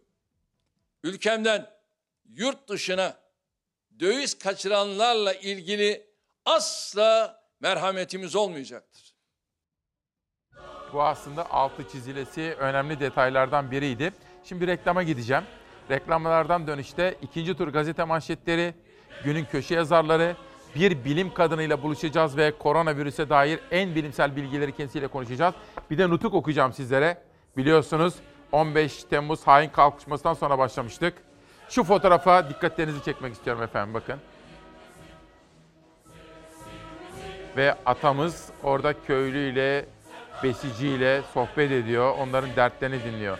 O kadar etkilendiğim fotoğraflardan biri de budur efendim. Bugün ayrıca sizlere 6 kitaptan, Çalarsat ailesinden gelen kitaplardan bahsedeceğim.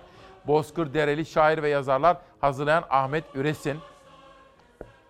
Ali Narçın da bir kitap yazmış ve bana yollamış. Gizlenen Alevilik isimli kitabı. Efendim kısa bir reklam arasına gideceğiz. Manşetimizi tekrar ediyorum. Hakkınız ödenmez. 20 Mayıs 2020 günlerden çarşamba İsmail Küçükkaya ile Demokrasi Meydanı'ndasınız. Hoş geldiniz efendim. 10.45'e kadar devam edeceğiz. Şimdi tam reklam arasında çok uzun yıllardır tanıdığım, muhabirlik döneminde yanına giderek haber aldığım, devleti konuştuğumuz, halkı konuştuğumuz, siyaseti, ekonomiyi konuştuğumuz bir isim beni aradı. Şunu duyurur musun dedi. Telefonla siz duyurun dedim. İki dakika sonra hattımızda olacak efendim. Hakkınız ödenmez gazete manşetleri geliyor. Bu kuşakta bugün bir taraftan 19 Mayıs'tan bugüne sarkan yansımalar.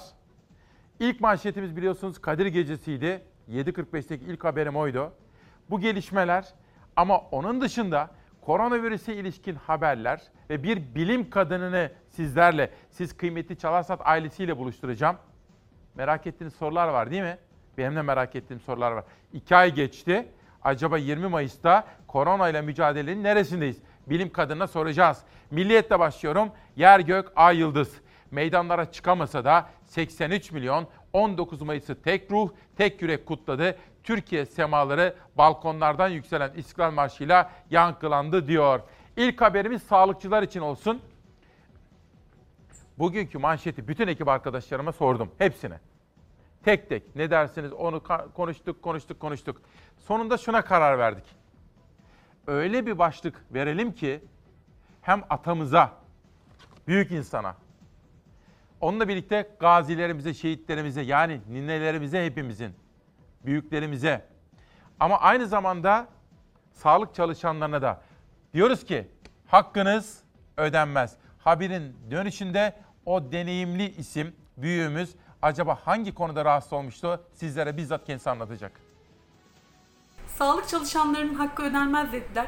Gerçekten ödemediler. Pandemi hastasıyla ilgilenen bütün hekim ve sağlık personeli tavandan performansını almış olacak.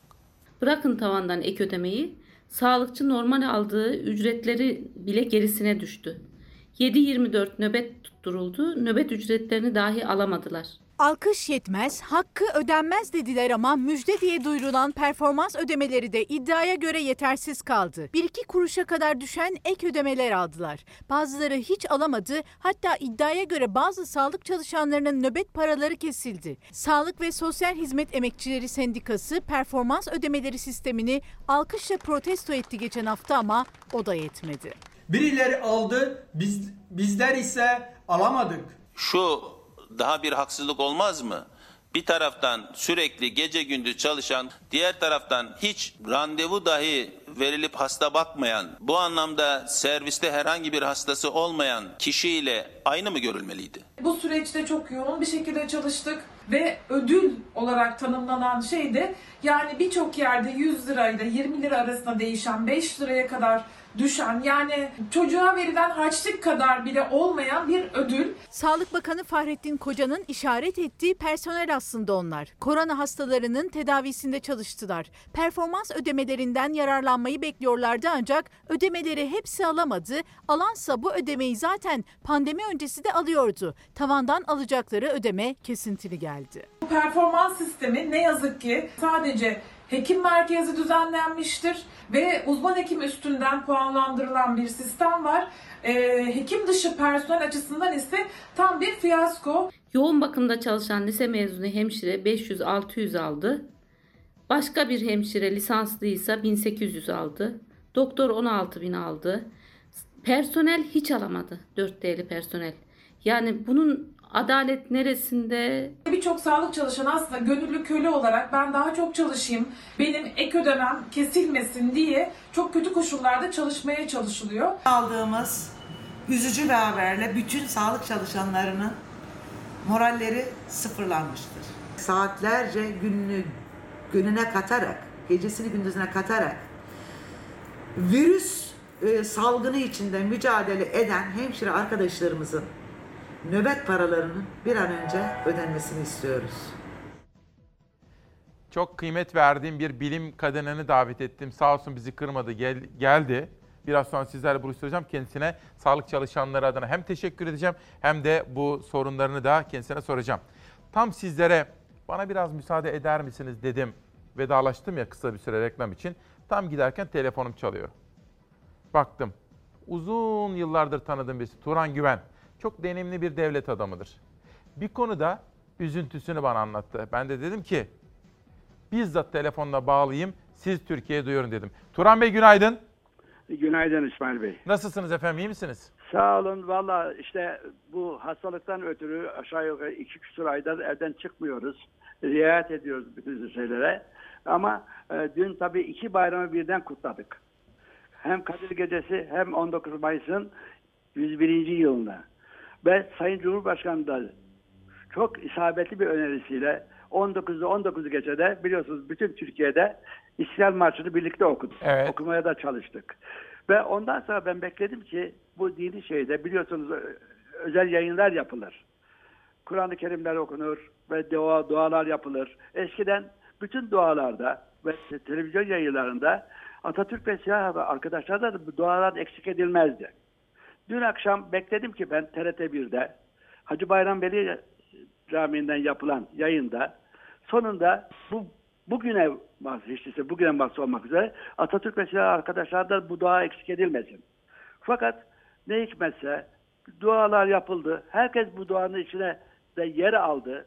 Fakat 19 Mayıs günü Atatürk ve silah arkadaşlardan tek cümle edilmedi. Bu beni fevkalade üzdü. Niye? Çünkü Diyanet İşleri'ni kuran bizatihi Atatürk'ün kendisidir. Ankara Müftüsü Rıfat Börekçi'yi Diyanet İşleri Başkanı yapan da Atatürk'ün kendisidir.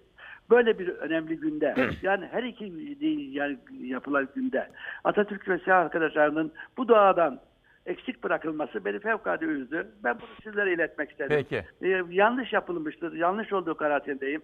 İnşallah gerekli şey düzeltmeler yapılır diye Çok- düşünüyorum. Teşekkür ederim. Çok Sağ olun. teşekkür ediyorum efendim. Sağ olun. Eksik olmayın. İşte bu düşüncelerini bana anlatıp üzüntülüyüm. Bunu aktarır mısın bu üzüntümü? Devletimiz bu konuda üzerine düşeni yapsın demişti de kendisi bizzat aktarmış oldu. Ve Milliyet gazetesinden bir sonraki habere geçelim. Karar gazetesi Türkiye'nin yarınından mesaj var. Türkiye'nin gençliği araştırması, ülkenin geleceğini temsil eden kesimin parti ayrımı olmaksızın özgürlük, adalet, liyakat beklentisi içinde bulunduğunu ortaya koydu. İşte siyasetin acil gündeme olması gereken düşündürücü tablo. %62. Yani şöyle düşünün, Türkiye'deki her 10 çocuktan 6'sı benim imkanım olsa yurt dışına gitmek isterim diyor.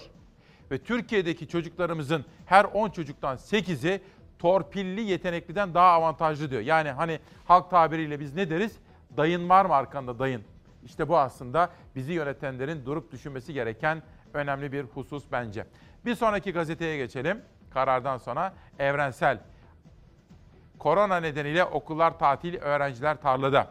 Adana Yüreğir'de soğan tarlasında 40 derece sıcakta çalışan çocuklar uzaktan eğitime erişemiyor. İnternet yok, bilgisayar yok, kitap alacak para yok. Olsa bile bütün gün tarlada çalışan körpe bedenlerin akşama ders çalışmaya dermanı mı kalır?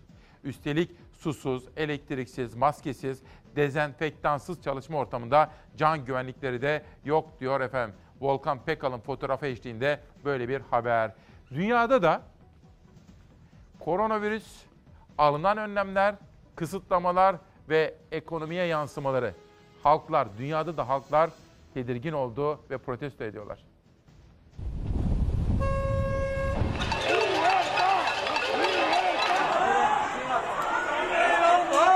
Dünyanın dört bir yanından protesto görüntüleri geliyor.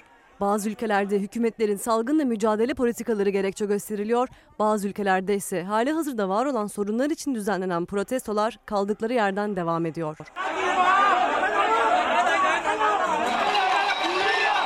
İspanya'da hükümetin virüsle mücadele kararı protesto edildi. Muhalefet partisinin çağrısıyla Madrid sokaklarında tencereler tavalar çalındı. Hükümet karşıtı sloganlar atıldı. Hükümet olağanüstü hali 24 Mayıs'ta sonlandıracak ancak muhalefet bir ay daha uzatılması gerektiğini düşünüyor. Amerika'da eyaletler teker teker açılıyor. Açılma kararı da valilere bağlı. Virüsün tehdit ettiği kentlerde tedbirler elden bırakılmıyor. Ancak halk baskısı valileri erken karar almaya itiyor. Amerika'da protestoların son adresleri Michigan ve Pensilvanya oldu. Arjantin'de ay başından beri karantina karşıtı protestolar sürüyor. Virüsün ekonomik krizi dibe çekmesiyle Buenos Aires'te yüzlerce insan hükümetin uygulamalarına karşı sloganlar attı. Açlık varsa karantina olmaz pankartları açıldı. Açlığın büyük bir sorun haline geldiği ülkede insanlar aşevlerine daha çok yardım yapılmasını istiyor. Hong Kong'da salgından önce tüm şiddetiyle süren protestolar yeniden başladı. Suçluların Çin'e iadesi yasa tasarısının başlattığı eylemler 10 binleri aşınca tasarı geri çekildi. Ancak hükümet karşıtı protestolar durmadı. 10 binler yerini milyonlara bıraktı. Salgınla ara verilen protestolar yeniden başladı. Hong Kong Başbakanı Carrie Lam'e karşı slogan atan göstericiler sosyal mesafe kurallarını ihlal etti. Polonya'da karantina karşıtı gösterileri sahne oldu. Polis göstericileri müdahale etti. Çok sayıda kişi gözaltına alındı. İtalya'nın ünlü turizm şehri Toskana'da restoran işletmecileri sokaktaydı. Salgından ekonomik darbe alan işletmeciler hükümetin politikalarını eleştirdi. İngiltere'de de karantina karşıtı göstericiler meydanlardaydı. Sosyal mesafe kuralları defalarca ihlal edilince polis çok sayıda cezai işlem uyguladı. Almanya'da aralıklarla devam eden protestolar iyice büyüdü. Ülkenin birçok kentinde binlerce insan karantina tedbirlerini protesto etti. Dünyadaki gelişmeleri aktarmaya devam edeceğim. Dün Seniha Hanım'la konuştuk. Seniha Hanım e, daha önce Bahadır Erdem vasıtasıyla sizlere bir videolar aktarmıştık. Hani çocuklarımızı her türlü tacizden, istismardan korumak, onları bilgilendirmek, bilinçlendirmek için ve ben de sizlere oradan Sena Naşir Gürçay'dan videolar geldi, yeni videolar. Onu da editörüm Zera'ya aktardım. İlerleyen dakikalarda ve başka gün, bugün, yarın ve öbür gün ve sonraki günlerde çocuklarımıza o özel bölge nedir, kendimizi nasıl koruyacağız, bütün bunları anlatan videoları yayınlayacağım. Hakkınız ödenmez diyoruz bu sabah. İşte şimdi yerel gazeteler. Yerel gazeteleri de biliyorsunuz Savaş Yıldız'la birlikte seçiyoruz. Önce Karadeniz, oradan Anadolu'ya doğru akıp gideceğiz. Atatürk'ün gençleri balkondan taştı diyor. Ordu'dan şahane fotoğraflar geldi dün. Ben buradan Ordu'yu canı gönülden kutluyorum. Ordu olaydan Anadolu'ya geçiyoruz. Bu sevdaya engel yok diyor Eskişehir gazetesi. 19 Mayıs Atatürk Anma Gençlik ve Spor Bayramı Eskişehir'de de coşkuyla kutlandı. Eskişehir'den de doğuya, Diyarbakır'a, Tigris'e geçiyorum. Çocuklar evde bayram şekeri tezgahta kaldı. Ramazan bayramı süresince getirilen 4 günlük sokağa çıkma yasağı bayrama hazırlanan esnafı vurdu. Ali Abbas Yılmaz ve Yılmaz Yiğitler Diyarbakır'da esnafla konuşmuşlar ve piyasanın nabzını tutmuşlar. Oradan Aydın'a doğru gelelim. Batıdayız tekrar. Bankalar küçük esnafa sırtını döndü diyor. Nazilli Ticaret Odası Yönetim Kurulu Başkanı Nuri Arslan ve Meclis Başkanı Gürdal Yüzügüler, ülkenin içinde bulunduğu bu zorlu süreçte kamu ve özel bankalara, küçük işletmelere kredi vermeleri için çağrıda bulundu diyor. Ve bu arada sayfanın altında bir haber dikkatimi çekiyor. Mansur Yavaş'ın başlattığı sonra Ekrem İmamoğlu'nun, Tunç Soyer'in, Zeydan Karalar'ın, Vahap Seçer'in pek çok belediye başkanının da katıldığı askıda fatura uygulaması Aydın'da Topuklu Efe'nin de dikkatini çekmişti. O da katılmıştı. Askıda 2000 fatura ödendi. Bu arada bir bilgi vereceğim. Şehnaz pardon. Erken saatlerde verdim ama Ramazan bazı izleyenlerimiz biraz daha geç uyanmış olabilir. Köşe yazılarını derleyip toparlıyoruz ya. Abdülkadir Selvi bugün seçim barajının indirilebilmesinden bahsediyor. Çünkü iktidar ittifaklar neticesinde bu seçim barajının işlevsiz hale geldiğini gördü. Dolayısıyla önümüzdeki süreçte seçim barajı eğer MHP de gerçekten bunu istiyorsa 5'e veya 3'e indirilebilir. Benim anladığım bu. 2. Sözcü gazetesi yazarı Emin Çöleşan da Millet İttifakı'nın belediye başkanlarından özellikle Mansur Yavaş ve Ekrem İmamoğlu'ndan ve bütünüyle tamamından da övgüyle bahsediyor. Özellikle Cumhuriyet Bayramı ve daha sonra şimdi de karşı karşıya kaldığımız 19 Mayıs kutlamalarında da bütün bunların görüldüğünü, milli bayramların coşkuyla kutlandığını söylüyor Emin Çöleşan. Hedeften Haber 49'a tekrar doğuya geçiyorum. Muş'ta altyapı iflas etti gazetesi. Muş merkezde 3 yıldır devam eden altyapı çalışmaları henüz tamamlanmadan her yağmur sonrası kendisini hissettiren altyapı yetersizliği vatandaşa zor anlar yaşatıyor. Bir sonraki gazetemiz İzmir'de, pardon Bursa'da. Daha neyi bekliyoruz? Bursa'da Haziran ayının ortasında başlayacak kiraz toplama işi için ihtiyaç duyulan mevsimlik işçilerin nereden, nasıl ve ne zaman geleceği hala belli olmazken ziraat odalarından duruma tepki sesleri yükseldi diyor. Şimdi sizi bir çevre haberi, bir turizm haberi aman diyeceğiz. Öyle bir habere götüreceğim. Ama şunu da söyleyeyim. Dün müydü, önceki gün müydü? Ali Ekber Yıldırım'la konuştuk. Tarım yazarı. Birkaç gün içerisinde onunla da yeniden buluşacağız. Ya bu hafta ya da gelecek hafta geniş bir program yapacağız ve tarım politikalarını yeniden irdeleyeceğiz ve Türkiye'nin gündemine getireceğiz. Sıradaki haberimiz bir çevre haberi.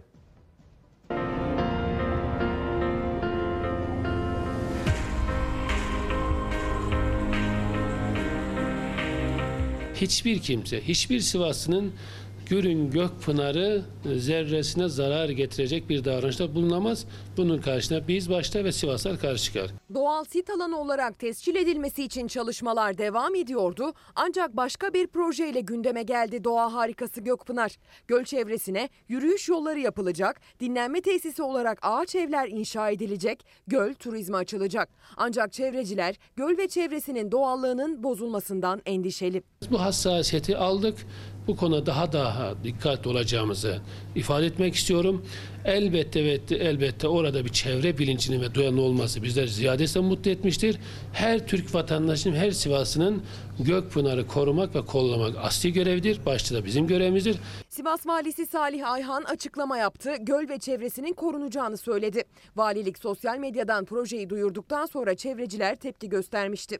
Gökpınar Gölü'nün doğal sit alanı olarak tescil edilmesi için çalışmalar sürüyordu aslında. Gökpınar Gölü iyileştirme ve bungalov evleri yapım işi ihaleye çıkınca şaşkınlıkla karşılandı. Yaz kış 11 derece sabit su sıcaklığı ve dip yapısının derinliğine rağmen görünmesiyle bilinen Gökpınar Gölü Sivas merkeze 147, Gürün ilçesine 10 kilometre uzaklıkta. Hafta sonlarında doğa severlerin ziyaret ettiği Mavi Yeşil Göl etrafındaki ağaç ve bitki türleriyle flora ve faunasıyla eşsiz bir doğa harikası. Asla bir yerleşim yeri orası olmayacak. Asla bir yoğunluk orada oluşturmayacağız.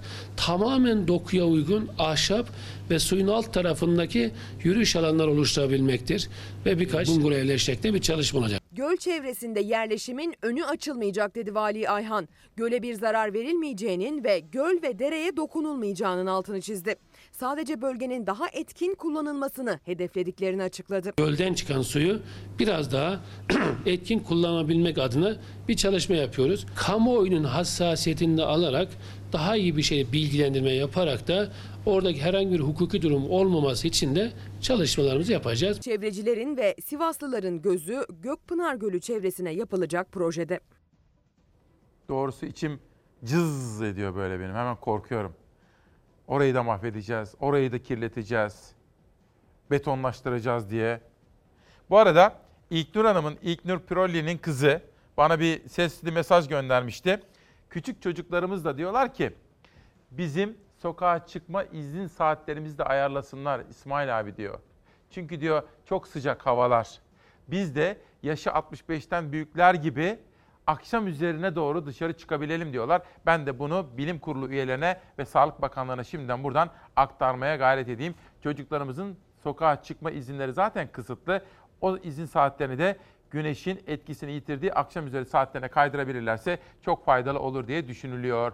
Ve Financial Times gazetesi koronavirüste mücadele kapsamında Amerika'da özellikle bunun ekonomiye yansımaları dün orada sunumlar yapıldı ve özellikle Hazine Sekreteri gitti, sunumlarını yaptı ama Amerika tartışıyor efendim. Neyi tartışıyor?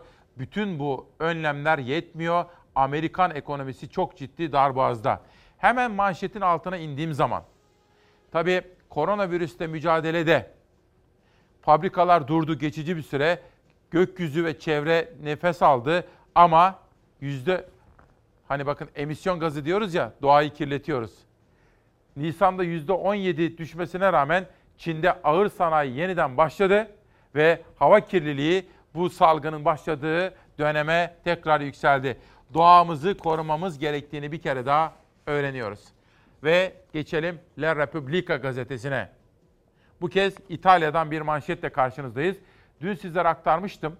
Merkel ve Macron bir araya gelmişler ve Avrupa'ya 500 milyar avroluk bir paketi düşünmüşlerdi. Şimdi İtalya'nın bu paketten faydalanarak zor durumdaki ekonomisini kurtarmaya çalışacağını söylüyor La Repubblica. İtalya'dan Almanya'ya geçiyorum. Der Tage Spiegel gazetesi hemen bu tarafta okullarla ilgili bir haber dikkatimizi çekiyor ve doktorlar okul ve kreşlerin tamamen açılmasını istiyor diyor. Çünkü Almanya'da çocuklara ilişkin herhangi bir riskin olmadığını belirtiyor efendim.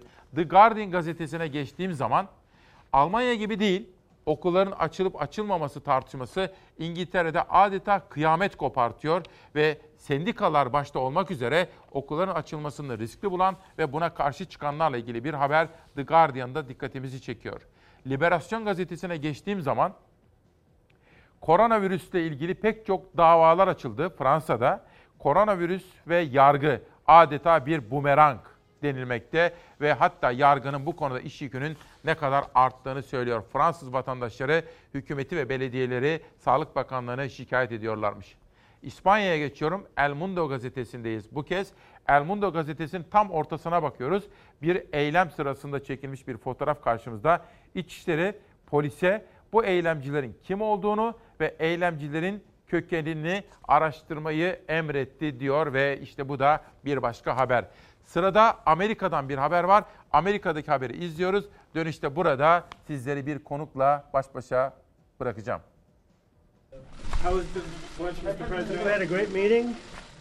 Trump'ın koronavirüse karşı sıtma ilacı kullanıyorum açıklaması gündeme oturdu. Amerika İlaç ve Gıda Dairesi başta olmak üzere birçok demokrat başkana tepki gösterdi. Amerika Kongresi Bütçe Ofisi ekonomiyle ilgili çarpıcı bir rapor hazırladı. Rapora göre ülke ekonomisi bu yılın ikinci çeyreğinde %38 daralabilir. Amerika'da virüse bağlı can kayıpları 95 bine tırmandı. 1 milyon 115 binden fazla aktif vaka var. Trump virüse karşı üzerinde çalışılan aşının yıl sonuna kadar hazır olacağını söylüyor. Kendisinin de bu süre zarfında sıtma ilacı kullandığını açıklaması Amerika'yı ikiye böldü. Right now, yeah. Couple of weeks ago, I started taking it because I think it's good. I've heard a lot of good stories. And if it's not good, I'll tell you right. Virüse karşı hiçbir başarısı bilimsel olarak kanıtlanmamış bir ilacı kullandığını kamuoyuyla paylaşan Trump'a tepki yağdı.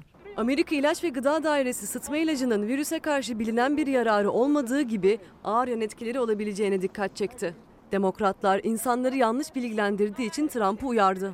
Temsilciler Meclisi Başkanı Nancy Pelosi ise Trump'ın ilaç kullanmasını üzüldüğünü, kendisinin obezlik seviyesinde olduğunu söyledi. Pelosi'ye ruhsal sorunları var diyerek cevap veren Trump ilacı savunmaya devam etti. Pelosi is a sick woman. She's got a lot of problems, a lot of mental problems. An individual decision to make, but it's had a great reputation. Salgın Amerika'da ekonomiyi de şiddetli vurdu. İşsizlik başvurusu yapanların sayısı 36 milyonu geçti. Amerika Kongresi Bütçe Ofisi yılın ikinci çeyreğinde yaşanması beklenen daralmayı %38 olarak açıkladı.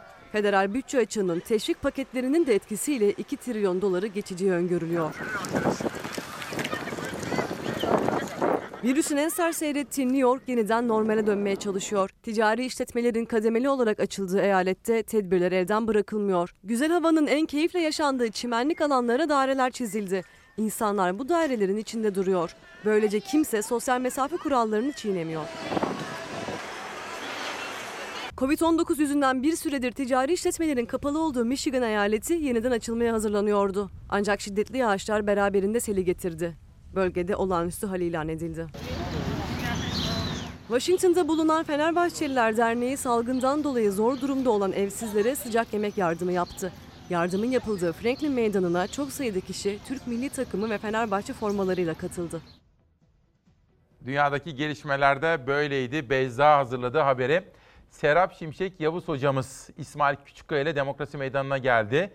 Kendisini bir iki hafta kadar önce aradım. Sonra bir hafta önce aradım. Dün aradığımda da hastanedeydi. Hocam son durum nedir diye soruyorum kendisine ve sizlerle buluşturdum. Sağ olsun davetimizi kırmadı. Hocam hoş geldiniz. Hoş bulduk. Teşekkür Nasılsınız? ediyorum davetiniz için. Sağ olun. Daha İyi iyiyiz. misiniz? Evet, aha, daha Hoş iyiyiz. geldiniz. Sağ Eksik olun. olmayın. Hemen başlamak istiyorum. Sormak istediğim çok Tabii soru ki. var hocam. Gelsin Şeynaz. Evet. Şimdi dün akşam itibariyle açıklanan rakamlar. Evet. Ee, vaka test sayısı 25.382, 1022 vaka sayısı maalesef vefat sayımız da var 28 ve dün itibariyle iyileşen sayısı da 1318 günlük. Evet. Hocam iki ay oldu. Geldiğimiz noktada durum nedir? Önce genel bir özet almak istiyorum sizden. Evet geldiğimiz noktada hani bu atağın e, sonlarına doğru geldik. Yani ilk atağının diyelim salgının ilk Türkiye'de gördüğümüz ilk atağının sonlarına doğru gelmiş durumdayız. E, aldığımız önlemleri devam ettirirsek hani e, önümüzdeki aya doğru hani biraz daha az vakalar hani yüzlü rakamlarda vakalarla ve R0 dediğimiz değerin birinin altına inmiş olduğunu da göreceğiz. E, özellikle bu son 4 günlük e, karantinanın da hani bu rakamı artık önümüzdeki 5-10 gün içinde e, yüzlü yani e, yüzlü değerli işte 600 700 neyse onların altına binin altına indirebileceğini e, söyleyebiliriz açıkçası. Bu tabloya baktığım zaman başka ne görüyorum? E, test sayımız e, azalmış çünkü hem sokağa çıkma yasağı vardı. İşte insanlar hasta olunca gitmeye de biliyorlar hafif hastalıkları varsa. Bunu artırmak için aslında şu anda herkes yani tüm dünya gibi biz de bu test sayısını e, daha fazla yapmalıyız. Yani e, kontrol altına alındıktan sonra da hani vaka sayısı daha da düşürülüp de R0 sayısı da birinin altına alındıktan sonra da bu test sayısının biraz artırılması gerekiyor. Zaten o amaçla da hani e, olgu tanımlaması dediğimiz e, hangi hastalara test yapacağız ya da hangi insanlara test yapacağız grubunu e, genişletmeye çalışıyoruz. E, onlar genişlediği zaman bu test sayısı da zaten arttığında Ki Sağlık biz- Bakanı 150 bin demişti değil mi? Evet Tesadüf evet. Ha, olarak. bunu artıracağız. Yani bu artması gerekiyor. Özellikle e, ilerleyen dönemde hani e, çıkan hastayı hemen yakalamak, erken dönemde yakalayıp onu izole edip toplumda yayılmasını sağlamak için buna ihtiyacımız var. E, test yapabilme kapasitemiz var. O nedenle bu yapılabilir bir şey. Hani bu tabloda ikinci gördüğüm şey o. Onun dışında ölüm oranlarının azalıyor olması tabii ki 28 yani çok sayıda insan halen ölüyor yani bunu göz ardı edemeyiz. E, ama azalıyor olması sevindirici. E, bunu da söyleyebiliriz. Yani şu anda e, bu aldığımız önlemlerle biraz daha devam etmemiz gerekiyor. Çünkü halen binin üstünde hasta var. E, ama önümüzdeki haftalar için eğer bu önlemlerle devam edersek hani bir şekilde azaltabildiğimizi görüyoruz bu önlemlerle devam edersek. Önümüzdeki haftalar içinde e, bu rakamın daha da düşeceğini öngörebiliyorum. Tabii hocam bilim kuruluna da teşekkür ediyoruz ama sizin başta siz olmak üzere bütün sağlık çalışanlarına. Hocam biz aslında Cumhuriyet'te büyük işler başarmışız ya. Ha? Evet. Özellikle bu tıp dünyasında. Hani hep söylüyorum ya ben şöyle diyorum. Mesela ben Simav Lisesi bizim okulumuzun en iyileri. Simav'ın en iyileri. Kütahya'nın, Ege'nin her zaman tıp fakültelerine gittiler. Aslında biz sağlam bir birikimimiz varmış bizim değil mi? Evet, tıp fakültesine girenler genellikle Türkiye'de e, hep yani iyi öğrenciler oluyor. Dolayısıyla da oluyor. yani e, şu halen öyle gerçekten mesela İstanbul Tıp Fakültesine gelen öğrencilere de bakıyorum ben. Hani binlerce, on binlerce kişi eleyerek geliyorlar ve çok kapasiteleri yüksek gerçekten. Hani e, övmek için söylemiyorum ama hani Biz gerçekten çok söylüyoruz. çalışkan ve şey. Hani e, BBC'de, CNN'de oralarda da haber oldu. Bizim bu salgınla mücadelede aslında doktor ve tıp dünyası çalışanlarımızın fedakarlıkları çok etkili oldu. Kesinlikle yani e, sağlık çalışanları çok fedakarca çalışmaya alışıklar Türkiye'de. Ben aslında bunu daha önce de belirtmiştim. Hani bu iyi bir şey mi bilemiyorum çünkü o kadar tükenmek de hani o kadar kendini tüketmek de belki iyi bir şey olmayabilir ama hani bu salgında bir avantajı oldu yani. Avantajımız da olmuş oldu. Sağlık çalışanlarının bu kadar yoğun çalışmaya, yoğun strese Bilgili ve başarılı da olmaları. Evet. Tolere de edebilmeleri, zor durumları tolere edebilmeleri, çok yoğun hasta görmeye alışık olmaları. E, Bu biraz avantajımız oldu. E, Ya mesela hocam mesela sizin okulunuz İstanbul Tıp, işte Evet. Ankara Tıp, Hacettepe, 9 Eylül, Evet. Cerrahpaşa, Çap- Çapa. Ya bizde muazzam bir kültür ve ekol var aslında. Evet kesinlikle yani e, ekol olmuş bazı üniversitelerimiz var. İstanbul Tıp Fakültesi de bunlardan biridir hani Türkiye'nin en eski tıp Öyle. fakültesi olarak.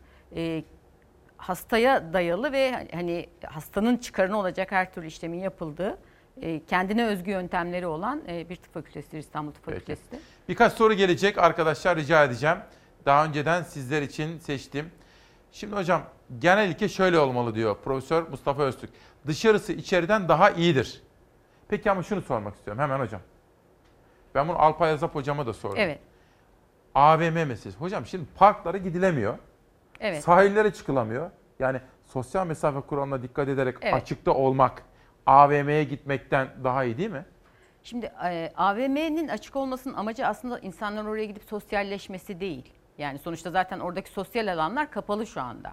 Yani kapalı bir alanda insanlar bir araya gelsin toplansın. Açık alanda da bir araya gelip e, sosyal mesafe olmadan bir arada çok sayıda insanın bulunması olmaz o da. Yani siz açık alanda da toplasanız insanları 100 insanı koyun işte 4-5 metrekare 6 metrekare bir alana e, son derece yüksek bir şekilde enfeksiyonu bulaştırırsınız. Yani açık kapalı alan derken e, bir kere öncelikle çok sayıda insan bir araya gelmeyecek sosyal mesafeyi korumak. Kalabalık olmayacağız. Kalabalık yok bir kere bunu unutacağız yani. Bu salgın döneminde bir yıl kaç yıl sürecekse kalabalık yakın temas halinde hele ki kapalı ortamda asla bir arada olmayacağız. Yani bunu niye yapıyoruz biz? Neden böyle bir şeye bu kadar yoruldu herkes farkındayım. Evet, tabii. Neden yapıyoruz acaba diye düşünmelerini tavsiye ederim. Neden yapıyoruz? Çünkü şu ana kadar bakın bu bulaşıcılıkta bir infeksiyon hastalığı salgını olduğu zaman dünyada şimdiye kadar olan salgınlarda milyonlarca, 10 milyonlarca insanın ölmesi beklenirdi. Şu ana kadar dünyada gördüğümüz ölüm rakamı nedir? 350 bin sanırım en son Evet. baktığımda öyleydi. 350 bin. Üçte biri Amerika'da şu olmak üzere. Bu yaptığımız şeyler herkes kendi hayatını kurtarıyor aslında. Yani biz 10 milyonlarca insanı bunu modern tıbbın e, yaklaşımlarına borçluyuz. Moder- Modern tıbbın kurumlarına borçluyuz. Hani Dünya Sağlık Örgütü'nden başlamak üzere buna borçluyuz. Neden? Çünkü bunlar yönetiyorlar şu andaki şeyi ve e, gerçekten milyonlarca hayat kurtarılmış durumda. Yani bu çok fark edilmez. Zaten tıp şeyin sorunu budur bu tarz uygulamaların. Hastayı Hani kaybedersin. yapmasaydık acaba ne olurdu diye baktığınız zaman hani bundan yıllarca önce olmuş buna benzeyen salgınlarda kaç milyon hayat kaybedilmiş? Şu anda bu aşamada kaç bin hayat kaybedilmiş? Buna bakmak lazım. Herkes kendi hayatını için yaptığını bunun farkına varması Demek ki lazım. hocam bundan böyle kalabalıklarda olmayacağız. Kalabalıklarda derken şunu da söylemek lazım. Bakın evinize misafir davet ettiniz. Mesela çok bunaldınız, ah- arkadaşlarınızı davet ettiniz. Yemeğe bütün çocuklarınızı davet ettiniz. Ne bileyim e, gün yapıyorsunuz, güne insan davet ettiniz. Ya da e, dua yapıyorsunuz ya da bir e, kaybınız var ve insanları taziye kabul ettiniz. Bunların hepsi kapalı, kalabalık ortamlar oluyor. Biz şu anda bu, bu şekilde bir araya gelemeyiz. Anlatabiliyor muyum? Biz, Eve misafir falan yok. Hayır, Hmm. hayır yok. Yani şu anda kapalı bir ortamda çok sayıda insan bir arada bulunamayız. Çünkü neden? Bulaştırabiliriz. Yani ben ben de taşı, taşıyıcı bir de taşıyıcılık çıktı biliyorsunuz burada. Taşıyıcı yani hastalık belirtisi göstermeden taşıyıcılık. Bu mesela biz bu salgının başında bunu bilmiyorduk. Normalde taşıyıcılık olmadığını, SARS gibi olduğunu düşünüyorduk. Hı hı. Orada taşıyıcılık yoktu çünkü. Ama taşıyıcılık da çıktı. Taşıyıcılık kısmında da bulaştırıcı olabilirsiniz. O nedenle yani hastalık semptomu göstermeseniz bile sosyal mesafeyi korumanız lazım bir kere. Eve diyelim misafir çağırdınız. E, bir masada oturduğunuz zaman bir metre mesafeyi koruyamayacaksınız. E, maskenizi çıkarıp yemek yemeniz gerekiyor. Tamam. Dolayısıyla ne Yok, olacak? böyle bir şey yok. Böyle bir şey yok. Tamam. Ancak sınırlı sayıda insanla o zaman açık havada mesela şu an çok bunaldıysa insanlar açık havaya çıktıklarında sınırlı sayıda insanla mesafeyi koruyarak hani kısa süreli ma- maskesini çıkarsa bile mesafeyi koruyarak e, Tamam. hani bir şey içebilir belki 3-5 kişi bir arada ama böyle onlarca insan kapalı ortam ev neresi olursa olsun Mesela eve bir tane misafir geldi diyelim. Bir, bir kişi. eve bir kişi geldi. Şimdi hani mesela o da yani biz de taşıyor olabiliriz. Mesela benim evime bir kişi geldi diyelim. Ben dışarı çıkıyorum, gidiyorum, geliyorum. Ben taşıyor olabilirim. E, gelen misafirim de taşıyor olabilir. Değil mi? Ben mesela ona bulaştırırsam o kendi evine götürecek. O bana bulaştırırsa kendi evine götürecek. Dolayısıyla tercihen dışarıda görüşelim. Arkadaşlarımızla görüşeceksek bundan sonra Haziran'da biraz daha açılacak zaten tüm şeyler. Dışarı çıkalım. Dışarı çıkalım. Birkaç kişi bir arada görüşebiliriz. Sosyal mesafeyi koruyalım. Eğer illa bir şey yiyip gerekiyorsa sosyal mesafeyi yine koruyarak ve çok kısa süreli. Bakın ne kadar uzun süreli vakit geçirirseniz insanlarla sosyal mesafenize darsa, e, azsa o zaman o kadar çok bulaşma riski var. Ne kadar çok sayıda insansanız, ne kadar yakınsanız o kadar çok bulaşma riski var. Yani bunu herkes kafasında tutsun. Şimdi mesela bayram geliyor hocam. Evet. Bayramda büyüklerimizin elini öpecek miyiz? Mümkün değil. Değil. Yapamayacağız yani. Gerçekten yapamayacağız. Çünkü şu anda bakın binli rakamlar var halen. Yani biz şu anda bunu e, R0 sayısını hani Sayın Bakan 1.57 olarak aç- açıkladı Türkiye'de. Belki İstanbul'da bu biraz daha düşük olabilir ama halen birin üstünde demek yani bir kişi birden fazla insanı hasta ediyor anlamına Peki. geliyor. Geçelim. Bir sonraki. Hocam işte İzmir'de, İzmit'te pek çok ilimizde olduğu gibi Van'da da maske kullanımı zorunlu hale getirildi. Dünyada da çok konuşuluyor bu. Maske durumunda en son sizin bilginiz güncellediğimiz zaman Maske şimdi bilgimizi güncellediğimiz zaman şu anda daha öncelerden de hep söz ettim. Tıbbi bilgi olarak yani bizim genel olarak maske kullanımı ile ilgili söyleyeceğimiz şey neydi? Bir hasta kişi takarsa bunu e, karşısındaki insana bulaşmasını engelliyor. İki çok yakın temas halindeyseniz Tamam. hasta kişiyle o zaman siz takarsanız size de bulaşmasını engelliyor.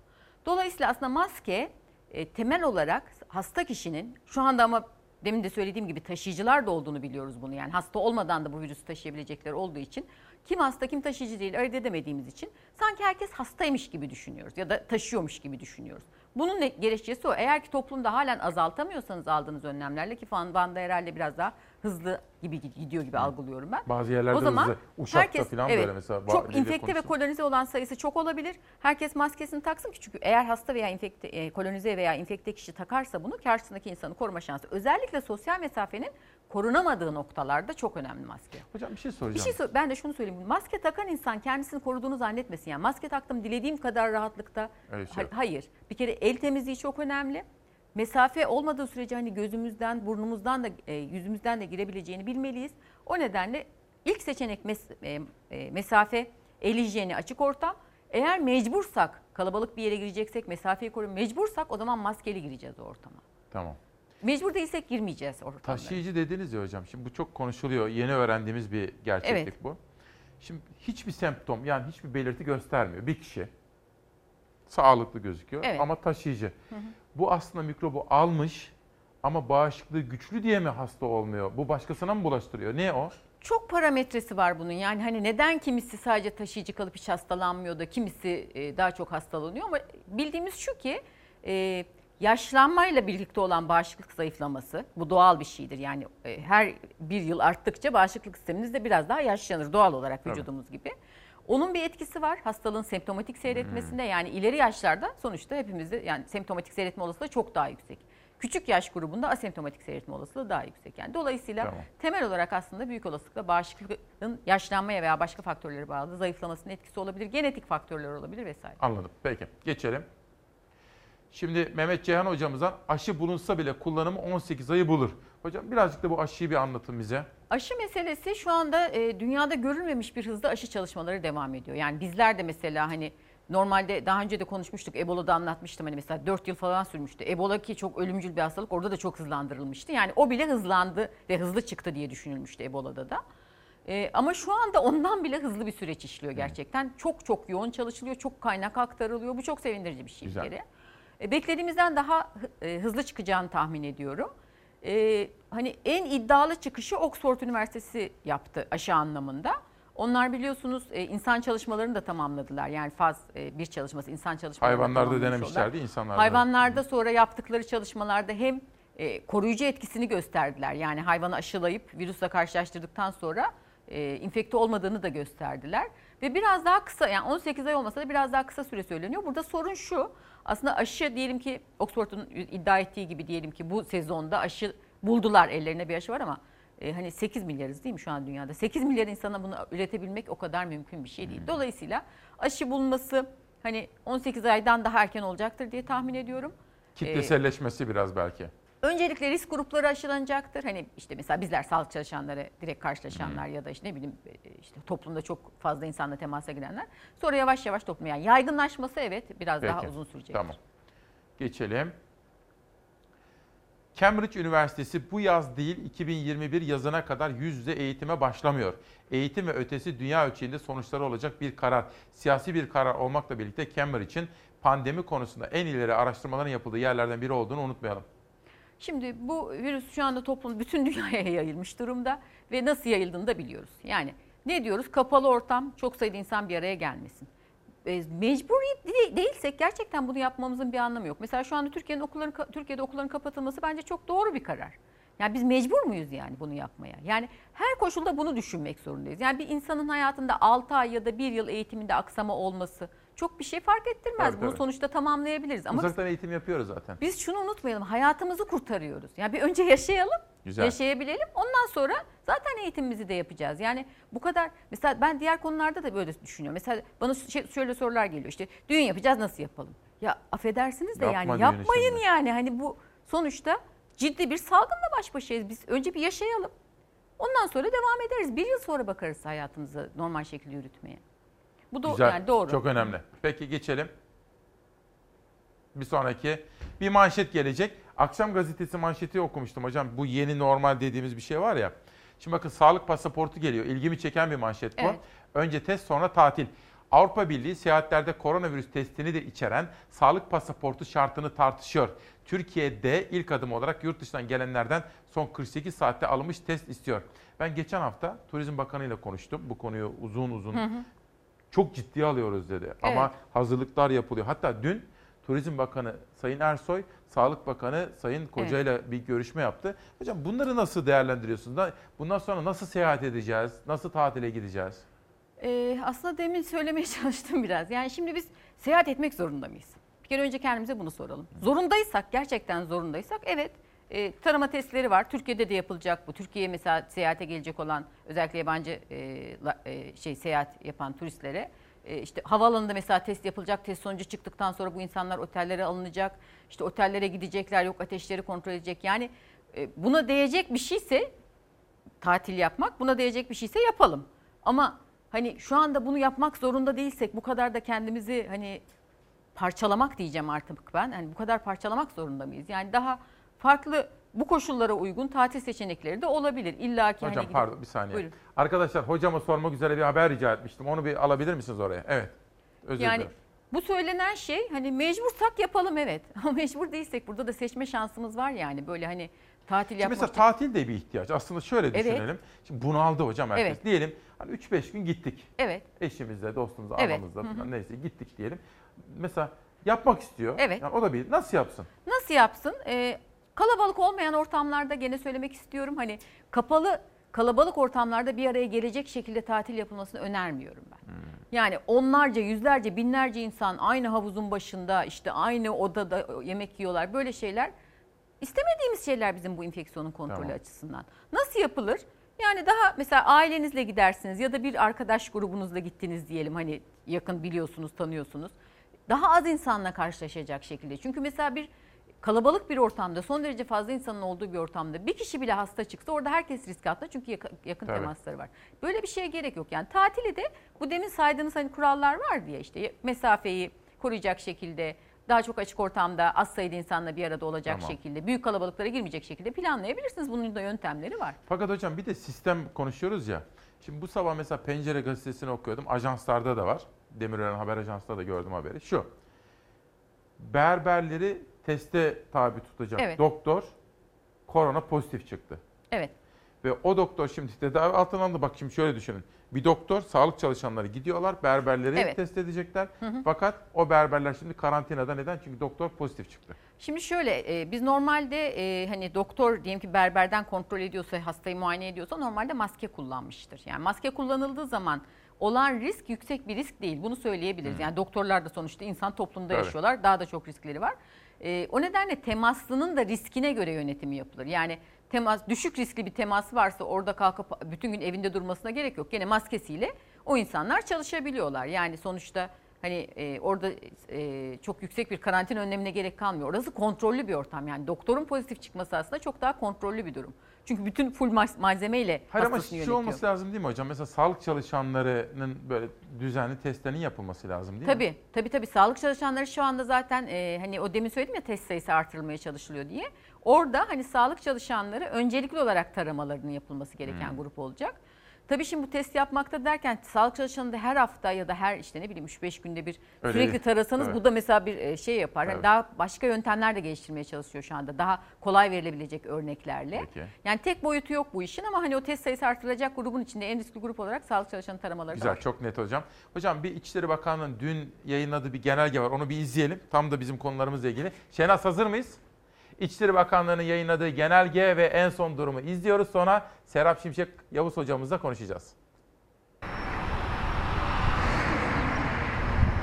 Arife gününden bayramın son gününe kadar 23, 24, 25, 26 Mayıs tarihlerinde 81 ilimizin tamamında sokağa çıkma kısıtlaması uygulanacak. 81 ilin tamamında Arefe dair Ramazan bayramında uygulanacak 4 günlük sokağa çıkma kısıtlamasının detayları belli oldu. 23 Mayıs Cumartesi günü marketler belirli saatler içinde açık olacak. Bayramın birinci günü şehit yakınları ve refakatçileri kabir ziyareti yapabilecek. Bugüne kadar 6 kez uygulandı hafta sonu sokağa çıkma kısıtlaması. Belirli sayıda ilde uygulandı kısıtlama. Ancak Ramazan bayramında 7. kez uygulanacak kısıtlamada kapsam genişletildi. 81 ilin tamamında 4 günlük sokağa çıkma yasağı getirildi. Yani bu bayram tüm yurtta evlerde geçecek. İnşallah bayramdan sonra bu tür sınırlamalara ihtiyacımızın olmayacağı bir tabloyla karşılaşacağımıza inanıyorum. Kısıtlamaya dair İçişleri Bakanlığı 81 ilin valiliğine genelge gönderdi. Kısıtlama öncesi 21 ve 22 Mayıs'ta market, bakkal, manav, kasap ve kuru yemişçiler saat 23'e kadar faaliyetlerine devam edecek. Arife günü yani cumartesi günü yine market, bakkal, manav, kasap ve kuru yemişçiler saat 10 ile 17 arasında hizmet verecek. Vatandaşlar evlerine yürüme mesafesindeki noktalara gidip alışveriş yapabilecek. Yasağın uygulandığı diğer günlerde bu noktalar kapalı olacak. Yasak boyunca yine su satışı yapan bayiler ve fırınlar çalışacak. Daha önceki yasaklarda kapsam dışı olanlar yine sokağa çıkabilecek. Bu kez Ramazan bayramında şehit aileleri için özel bir düzenleme yapıldı. Bayramın birinci günü şehit yakınları ve refakatçileri şehitlerimizin kabirlerini ziyaret edebilecek. Yine bayramın birinci günü yani 24 Mayıs pazar günü 65 yaş ve üzeri öğle saat 2 ile akşam 8 arasında sokağa çıkabilecek. Sokağa çıkanların maske takmaları zorunlu olacak. Bayramın birinci günü olan 24 Mayıs pazar günü saat 14 ile 20 saatleri arasında 65 yaş üstü vatandaşlarımız yine sokağa çıkabilecekler. 15 il için uygulanan giriş çıkış kısıtlaması ise 15 gün daha uzatıldı. 3 Haziran 2020 çarşamba günü saat 24'e kadar Zonguldak'la 14 büyük şehirde uygulanan giriş çıkış yasağı sürecek. 15 ilimiz için geçerli olan şehirler arası seyahat kısıtlaması 15 gün süreyle uzatılmıştır. Peki bu kararları ve genelgeyi Profesör Doktor Serap Şimşek Yavuz hocamıza soralım. Hocam sıkı kararlar var. Aslında bu bayramdaki karar falan doğru ve çok biraz zor Kesinlikle karar. çok çok güzel bir karar. Çünkü bayram e, çok büyük hareketlerin olduğu ve insanların e, bir araya gelme riskinin çok yüksek olduğu. Çünkü artık duygusallaşıyor insanlar aylardır birbirini görmedi. Bu nedenle bayramda eğer açılmış olsaydı gerçekten e, bu vaka sayısıyla hani bir patlama olabilirdi diye düşünüyorum ben. O nedenle hani e, bayramı bu şekilde geçirmek, bütün illerin buna dahil olması çünkü diğer iller bu sefer birbirleri arasında gidip gelebilirler. O e, çok bu enfeksiyon için yayılması açısından çok büyük bir e, sıkıntı yaratırdı bizim açımızdan. Bence çok büyük çok güzel bir karar oldu İyi bu. bir karar. Okulların Okulların kapatılması çok güzel bir karar oldu. Çünkü gerçekten bunlar hayatımızdan kıymetli şeyler değil. Bunları şu anda bu önlemleri alarak e, hani geleceğimiz için çok iyi bir şey yaptığımızı söyleyebiliriz. Hocam sabah bir kızımızın, bir çocuğumuzun fotoğrafını, e, bir mesajını okumuştum. Şimdi bizim Şehnaz ve bütün rejiden de öyle soru geldi. Yaşı büyükler pazar günü sokağa çıkabilecekler belli bir saatlerde. Evet, hı hı. Şimdi ayarlama da yapıldı. iyi oldu. Çok sıcak saatlerde değil, akşam üzerine doğru. Evet. Fakat çocuklarımız mesela bugün çıkacaklar. Şimdi şöyle düşünün. Haklı olarak soruyorlar. Onlar da tabii anne. Şimdi çocuk bugün dışarı çıkacak. Fakat bugün aslında herkes dışarıda. Bu da aslında tıpkı yaşlılarımıza olduğu gibi çocuklarımıza da kısıtlamanın olduğu günlerde çıkış izni verirse daha iyi değil mi? E, elbette o da olabilir hani kısıtlamanın olduğu günlerden ama bu sefer daha çok insan dışarı çıkıyor olacak kısıtlamada. Esas hani e, ana e, azalmayı sağladığımız günler ya o günler. Hani daha çok insanın dışarı çık- çıkmasını engellemek için e, hani düşünülebilir. Hani çok yanlış bir Yani yaklaşım mesela değil şöyle ama. korkuları şu. Mesela bugün herkes dışarıda. E çocuklar da dışarı Her- çıkacak. evet, aha. Bugün herkes dışarıda. Sokağa çıkma yasağı yok ya bugün. Evet evet herkes dışarıda derken çocuklar gene de mesela yaşlılar içerideler. Çocuklar bir de yaşlılar kadar da riskli olmadığı için hani onların e, hastalığı bulaşma riski de daha düşük açıkçası. Hani onlar biraz daha yaşlılardan daha e, az riskli, hastalığı bulaştırma riskleri de daha az olduğu için e, böyle bir yöntem uygulanmış olabilir. Hani onlara da mesela bir gün aslında başlangıçta öyle düşünmüştü hafta içi değil de cumartesi günü fakat farklı boyutları olabiliyor. Şu anda tam hani böyle yaparsak ne gibi sonuçları olur konuşmak Bilim kurulu- lazım tabii yani. Bilim kurulu Evet. tartışıyor onu. Evet. Ama şunu yapabilirler herhalde. Çünkü yaşı büyüklerimizle ilgili o düzenlemeyi yaptılar. Öğlen saatlerinde değil de Tabii. akşam üzerine. Tabii tabii şu ama bu kadar sıcak olacağını kimse tahmin etmemişti gerçekten. Çok sıcak. Gerçi yarından itibaren tekrar soğuyor. O da aşk bayrak. Şimdi tabii mevsim normallerinin çok üzerine. Hocam Evet. bir de ibadethaneler şimdi dün Cumhurbaşkanı da açıkladı. Evet. Belli kurallara uymak kaydı ile ve kademeli olarak da e, ibadethaneler de açılıyor. Ne dik, neye dikkat etmeliler cami Yine cemaati? aynı şey yani kalabalık kapa- kapalı ortamda çok kalabalık olarak sosyal mesafe korunmadan bir araya gelmemek gerekiyor. açık ortamlar tercih edilmesi gerekiyor. Sosyal mesafe korunması gerekiyor. Gene Cami maske avluları. kullanımı evet yani kapalı alan ben şahsen kapalı alana şu anda girilmesini uygun bulmuyorum. Ee, bu kadar hani riskli bir infeksiyonla e, baş başayken gene demin saydığımız kurallar. Evde ne yapıyorsunuz hocam şimdi mesela? Şimdi ilk başlardaki gibi sıkı sıkı uyguluyor musunuz siz kendi kendiniz evinizde? Elbette uyguluyorum tabii ki. Yani sonuçta biz e, biz de hani sokağa çıkma yasağı olduğu günler e, hiçbir şekilde dışarı çıkmıyoruz. E, çok az insanla görüşüyorum. Yani mesela hastanede biz halen e, yani mesela normal vizitler olur daha önce de anlatmıştım hani e, hocalar ya da bir araya gelip belli şeyleri tartışmamız gerekebilir. E, bunları oldukça azaltıyoruz. Genellikle şey üzerinden e, online sistemler üzerinden bunları yapmaya çalışıyoruz. Halen toplantılara da e, yapmıyoruz yani bir araya geldiğimiz toplantıları yapmıyoruz. Eğer bir araya gelirsek işte sosyal mesafeyi mutlaka koruyarak, mutlaka maskeli olarak hiçbir şekilde o maske çıkmadan yani bir çay kahve bile içmeden saatlerce hani vakit geçirebiliyoruz gerçekten Peki. eğer hastaları tartışıyorsak. E, biz gevşetmedik henüz. Çok iyi, çok iyi. Ama hani dışarıda mesela bu süreçte son bu binlere indikten sonra şey birkaç arkadaşımla sosyal mesafeyi koruyarak e, yarım saat geçirdim. Hani bunu Güzel, söyleyebilirim. güzel. Böyle bir geçleme yaptım. Hocam son olarak bir de şimdi benim hani hep söylüyorum ya sosyal çevrem doktorlar benim Evet. ve tıp dünyasından özellikle tıp fakültelerinden gelen mesajlar var.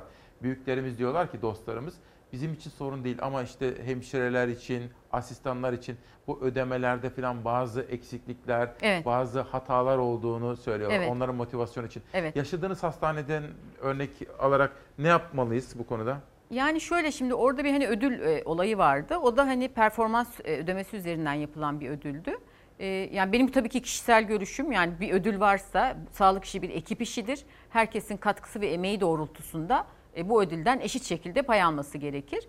E, yani oradaki teknik detayı tam bilmiyorum ama Bakan Bey'in olduğu bir toplantıda e, hani onun e, Sağlık Bakanlığı ile değil Maliye Bakanlığı çünkü bunlar yönetmelikler çerçevesinde veriliyor. Hani e, hekimlere verilen yönetmelik başka işte diğer çalışanlara, hemşirelere ya da e, diğer personele o yönetmelikler çerçevesinde veriliyor. Orayla ilgili bir takım sıkıntılar oldu ve onların aşılmaya çalışıldığını söylemişti kendisi. Hani Peki. çok detayını bilmiyorum ama bizim kurumumuz e, hani kendi özelinde bunu gözetmeye çalıştı. Hani Ama şöyle diyorlar bana benim tanıdığım tıp fakültelerinden Ankara'dan ve İzmir'den Evet. de.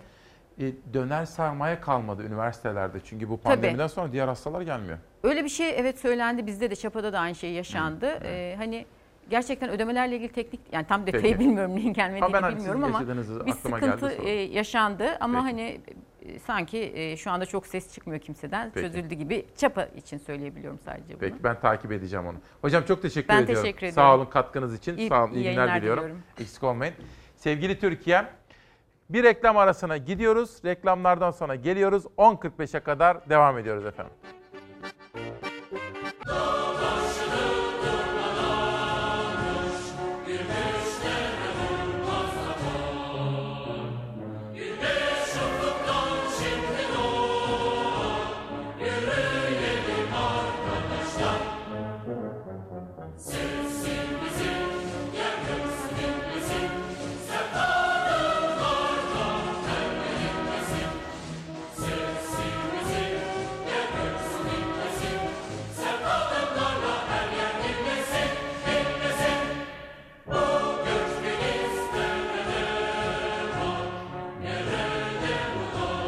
Nerede bu dağlar taşlar?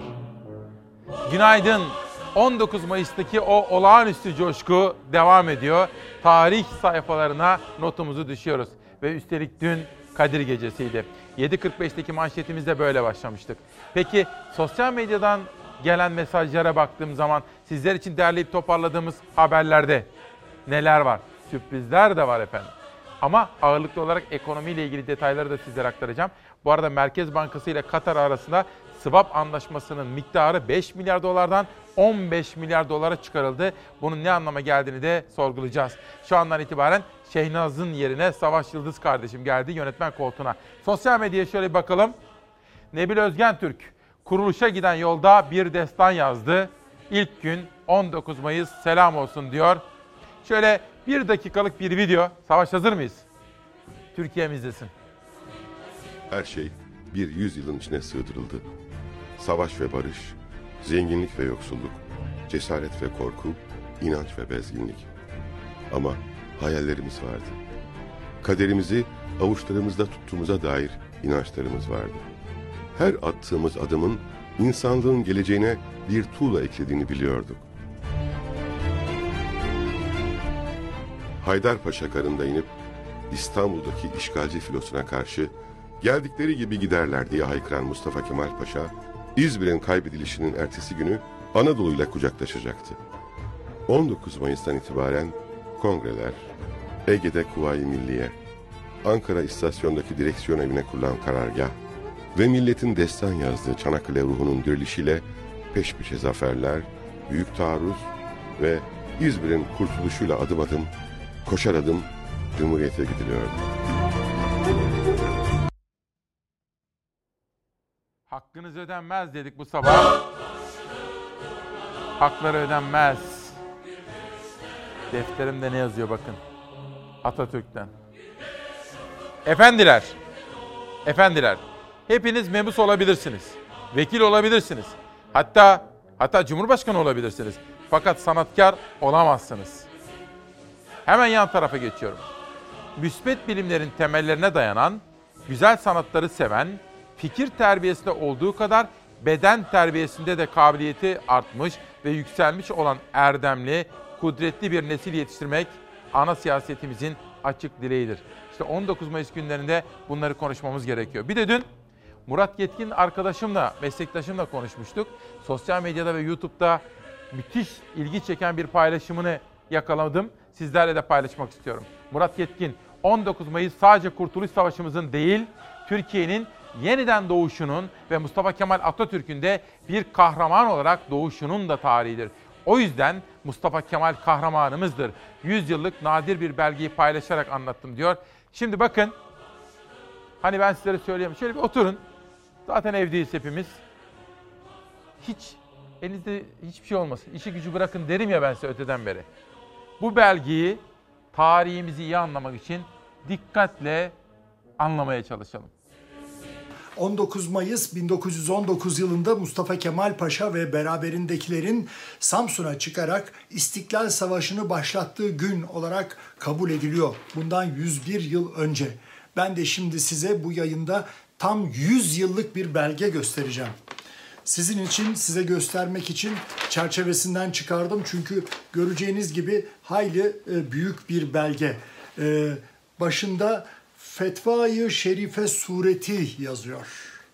Bu belge, bu fetva e, Şeyhülislam Dürrizade Abdullah Efendi tarafından e, Padişah Vahdettin'e sunuluyor. Ve diyor ki bu fetvada e, hilafete yani Vahdettin Halife hilafete ve merkezi yönetime karşı gelen askerler vatan hainidir ve bunların katli vaciptir. Ve bunları katledenler yani Anadolu'dan yani Kuvayi Milliye Hareketi'nden söz ediyor Şeyhülislam. Bunlara katılanlar diyor, bunlara katılanların katli vaciptir ve bunları katledenler de diyor e, şehit ve gazi sayılırlar diyor bu fetvada. Bu fetva e, o dönem İstanbul'un ve Anadolu'da e, işgal orduları ya da hilafet ordularının, Osmanlı Hanedanı'na bağlı orduların gidebildiği her yerde duvarlara yapıştırılmış, İngiliz ve Yunan uçakları tarafından havadan atılmış. Neden? Çünkü halk Kuvayi Milliye katılmasın diye. Murat Yetkin yine evden bile gazetecilik yapıyor. Helal olsun. Bu arada eski milletvekillerimizden Tarık Bey var. Tarık Cengiz. Bizim Ankara büromuzun şefine Tülay Ünal Öçten'e ulaşmış. Sağ olsun. O da demiş ki ona İsmail'e iletir misin bunu? Tülay da sağ olsun iletti bana. O belgeyi de sizlere aktarmak istiyorum. Bakın gelsin o belge. Şimdi hani dün sizlere anlatmıştım. Bizim doğum günümüz ne zaman? Mayıs'ın 19'u öyle değil mi? İşte İngilizler soruyorlar ve o tarihte Reisi Cumhur Atatürk'ün 19 Mayıs 1881 tarihinde doğmuş olduklarını arz ederim diyor. O yazışmaların resmi evraklarını bana göndermiş. Şöyle dikkatle bir bakın da tarih sayfaları işte böyle yazılıyor efendim. 1938'de yazılmış bir belge ve atamızın doğum gününü işte 19 Mayıs olarak kabul ettiğine dair bir önemli yazışma. Ve sosyal medya mesajlarına gidiyorum. Levent Üzümcü de dün bayram coşkusunu paylaştı. Hem sosyal medyadan hem de kendi YouTube kanallarından pek çok yerde gördüm bunu. Çocuk Mustafa 1881. Hazır mıyız? Hadi Levent Üzümcü'nün sesinden Bandırma vapuruna biniyoruz. 16 Mayıs 1919. İstanbul Üsküdar Kız Kulesi açıkları. Öğle vakti. Bandırma vapuru. Mustafa Kemal ve 18 silah arkadaşı İstanbul'dan Samsun'a hareket etmek üzere beklemekteydi. İşgal kuvvetleri Mustafa Kemal'in Anadolu'ya hareket edecek olmasından hoşnut değildi. Bir grup İngiliz askeri yorgun ve köhne bandırma vapurunun güvertesinde, kamera ve koridorlarında koşuşturmakta ve arama yapmaktaydı. Her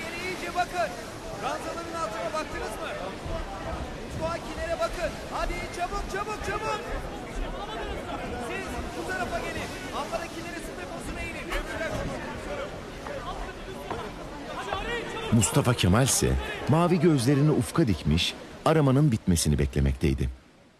Askerlerin başındaki İngiliz subayı Mustafa Kemal'in yanına gelerek askeri terbiye gereği kendinden yüksek rütbeli olduğu için nezaketle selamını verip Generalim, müsaadenizle kameralarınızı da aramamız gerekiyor. Üzgünüm ama emir böyle. Buyurun arayın. Nasılsa silahları bulamayacaksınız. Anlayamadım. Bu gemide silah var mı gerçekten? Evet, var. Peki nerede? Neden biz bulamadık? Arayarak bulabileceğiniz, gözlerinizle görebileceğiniz bir yerde değil elbette. Nasıl yani? Bizim silahımız kafamızdaki bağımsızlık fikri, özgürlük ışığı, yüreğimizdeki sarsılmaz inanç ve kararlılıktır. Bu öyle bir silahtır ki bu topraklardaki son fert, son nefesini verene kadar arayamaz, bulamaz ve yok edemezsiniz. İngiliz subay bu sözler karşısında yutkunur. Verecek bir cevabı yoktur. Karşısında dimdik duran vakur adamın gözleri binlerce yıllık tarihe sahip bir ulusun özgüveniyle delici bakmaktadır. İngiliz subay sahte bir özgüven takınarak askerleriyle birlikte gider.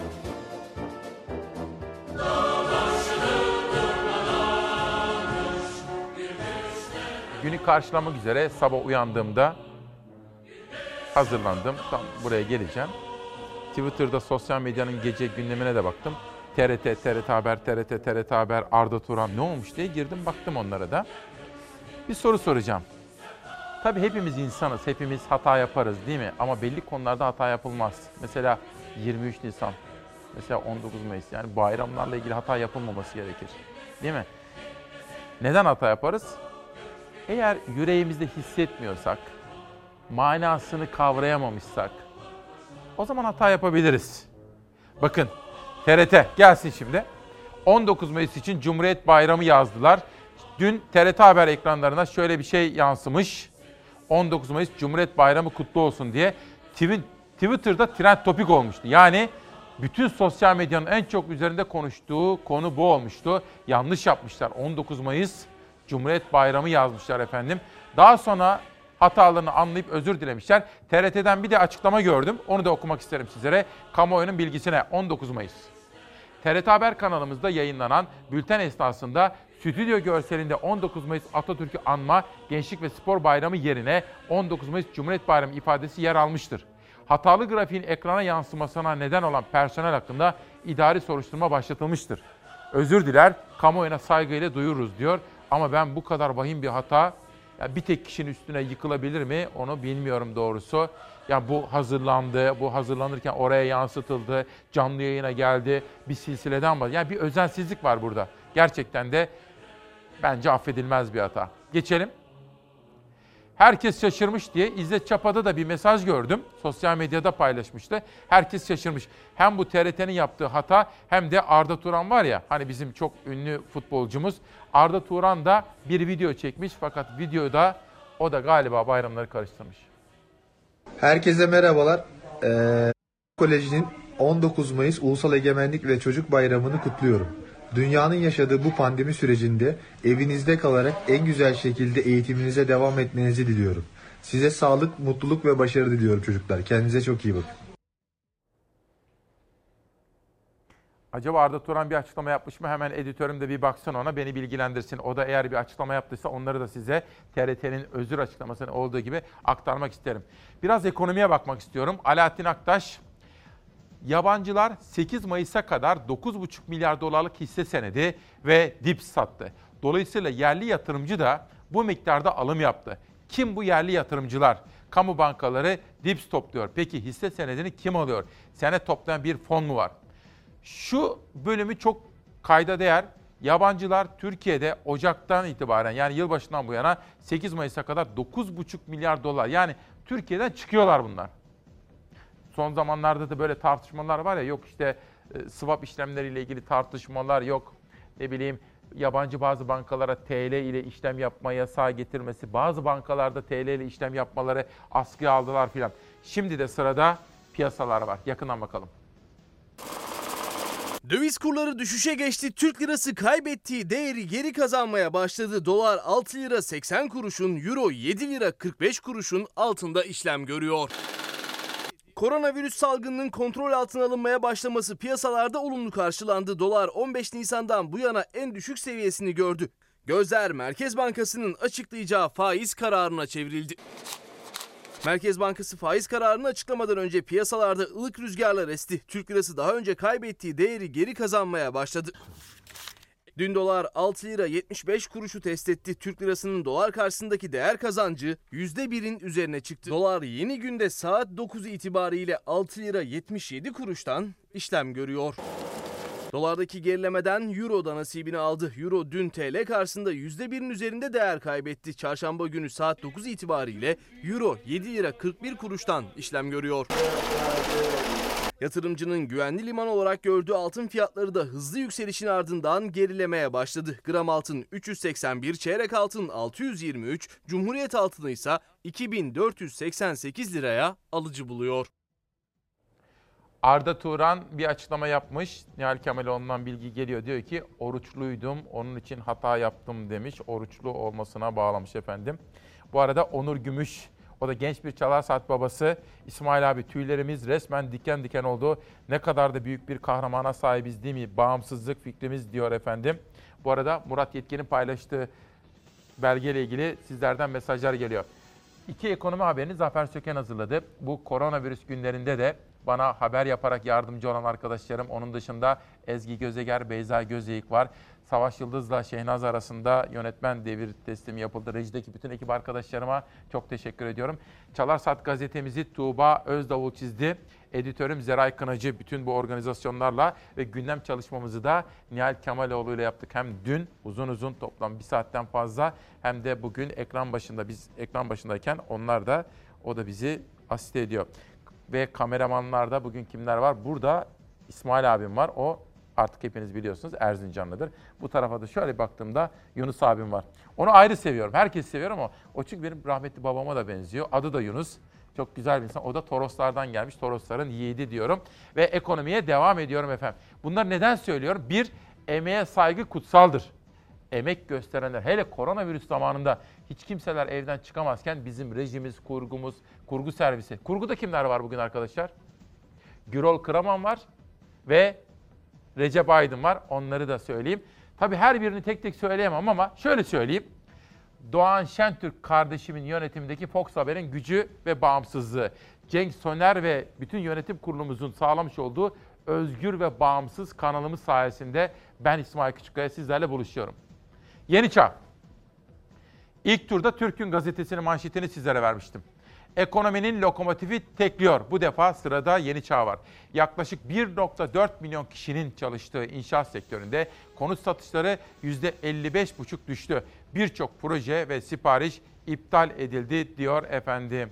Bu arada sırada gümrük vergisiyle ilgili yeni bir haber var ama teknik yönetmenim Latif abimi de unutmadım. Bunun dışında sesçimiz Mithat'ı da, o da Mersin'idir. Onu da unutmadım efendim. Böylece hemen hemen bütün ekip arkadaşlarım tek tek söylemeye çalışıyorum. Ama zaten yayın bittikten sonra yan tarafta onların isimlerini hepsini tek tek de görürseniz, şöyle bir okursanız da hepsi emek harcamış dersiniz. Bir teşekkür yollarsınız. İş makinelerinden kontak lense, otomobil yedek parçalarından deri ürünlere Cumhurbaşkanlığı kararıyla ilave gümrük vergisi getirildi. Artan ithalat baskısına karşı yerli üreticiyi, yerli sanayiciyi korumak için, ikincisi ise bozulan dış ticaret dengesini e, biraz daha toparlayabilmek için uygulandı bu vergiler.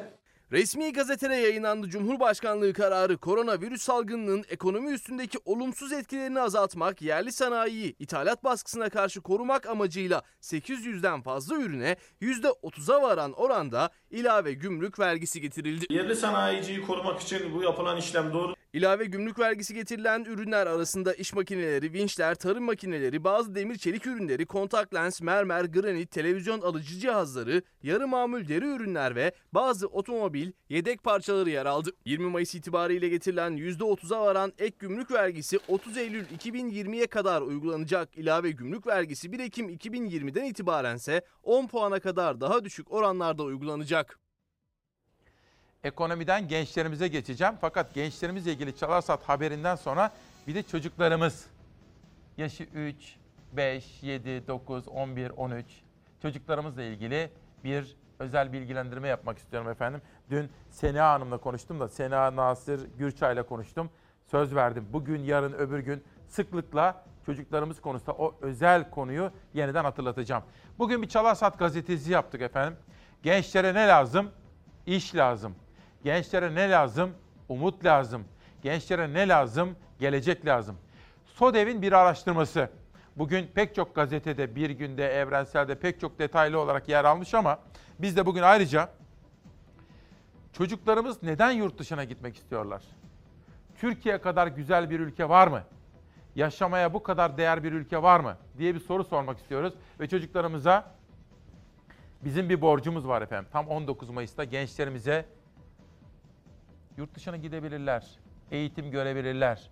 Ama onlar Türkiye'de yaşamayı istemeliler. Sosyal Demokrasi Vakfı SODEV gençlerin sesi oldu. Türkiye'nin Gençliği Araştırması raporu hazırladı. Raporun çarpıcı sonuçları gençlerin isteklerine, özlemlerine, kaygılarına, hayallerine ışık tuttu. SODEV ve Friedrich Ebert Stiftung Derneği Türkiye temsilcilerinin katkısıyla hazırlandı rapor. Sonuçlar video konferans yoluyla basın ve kamuoyuyla paylaşıldı. 15-25 yaş arasındaki gençlerle yapılan araştırma Türkiye genelinde gerçekleşti. Gençlerin düşüncelerini somut bir şekilde ortaya koyan rapor, işsizliğin yarattığı derin kaygıları gözler önüne serdi. Araştırmaya katılanların neredeyse %70'i ekonomik bağımsızlığını kazanmış değil. Rapora göre gençlerin çok çalışarak bir yerlere ulaşmaya karşı inançları zayıflıyor. Torpilin yetenekten önce geldiğini düşünüyorlar. Üniversitelerin de iş bulmak için yeterli donanıma sahip olduğunu düşünmüyorlar. En çarpıcı veri ise yurt dışına gitmek isteyen gençlerle ilgili. Türkiye'de kariyer yapmanın zor olduğunu düşünen gençler bunu başka bir ülkede gerçekleştirmeyi hayal ediyor. İmkanım olsa yurt dışına yerleşip orada yaşardım diyenlerin oranı %62.5.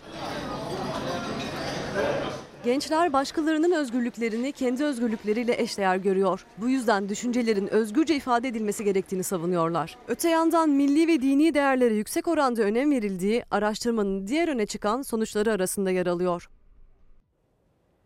atamızın en sevdiğim laflarından biridir. Bütün ümidim gençliktedir. Gazeteleri okuyoruz ya.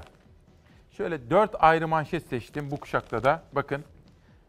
Kalemim nerede? Çiftçi borçlu tarım çöküyor. Koronavirüs sürecinde tarımda ciddi kriz yaşandığını aktaran Profesör Doktor Özkaya acilen boş alanların ekilmesi gerekiyor. Çünkü buğday baklagil gibi bazı ürünlerde ithalat yapamama veya yüksek fiyatlarla yapma tehlikesi var. Bu nedenle hızla destekler artırılmalı.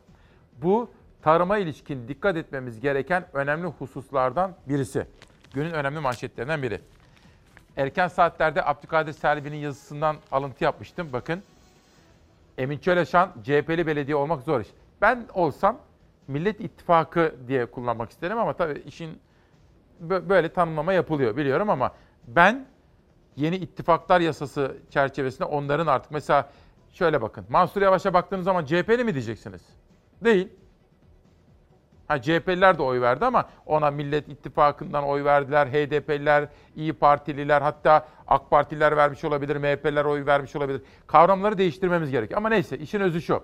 Ekrem İmamoğlu'nun mücadeleci ve alttan almayan tutumunu, Mansur Yavaş'ın olgun tavırlarını seviyorum. Üstelik bu iki ilimizde de belediye meclislerinde çoğunluk AKP-MHP ikilisinin elinde diyor efendim.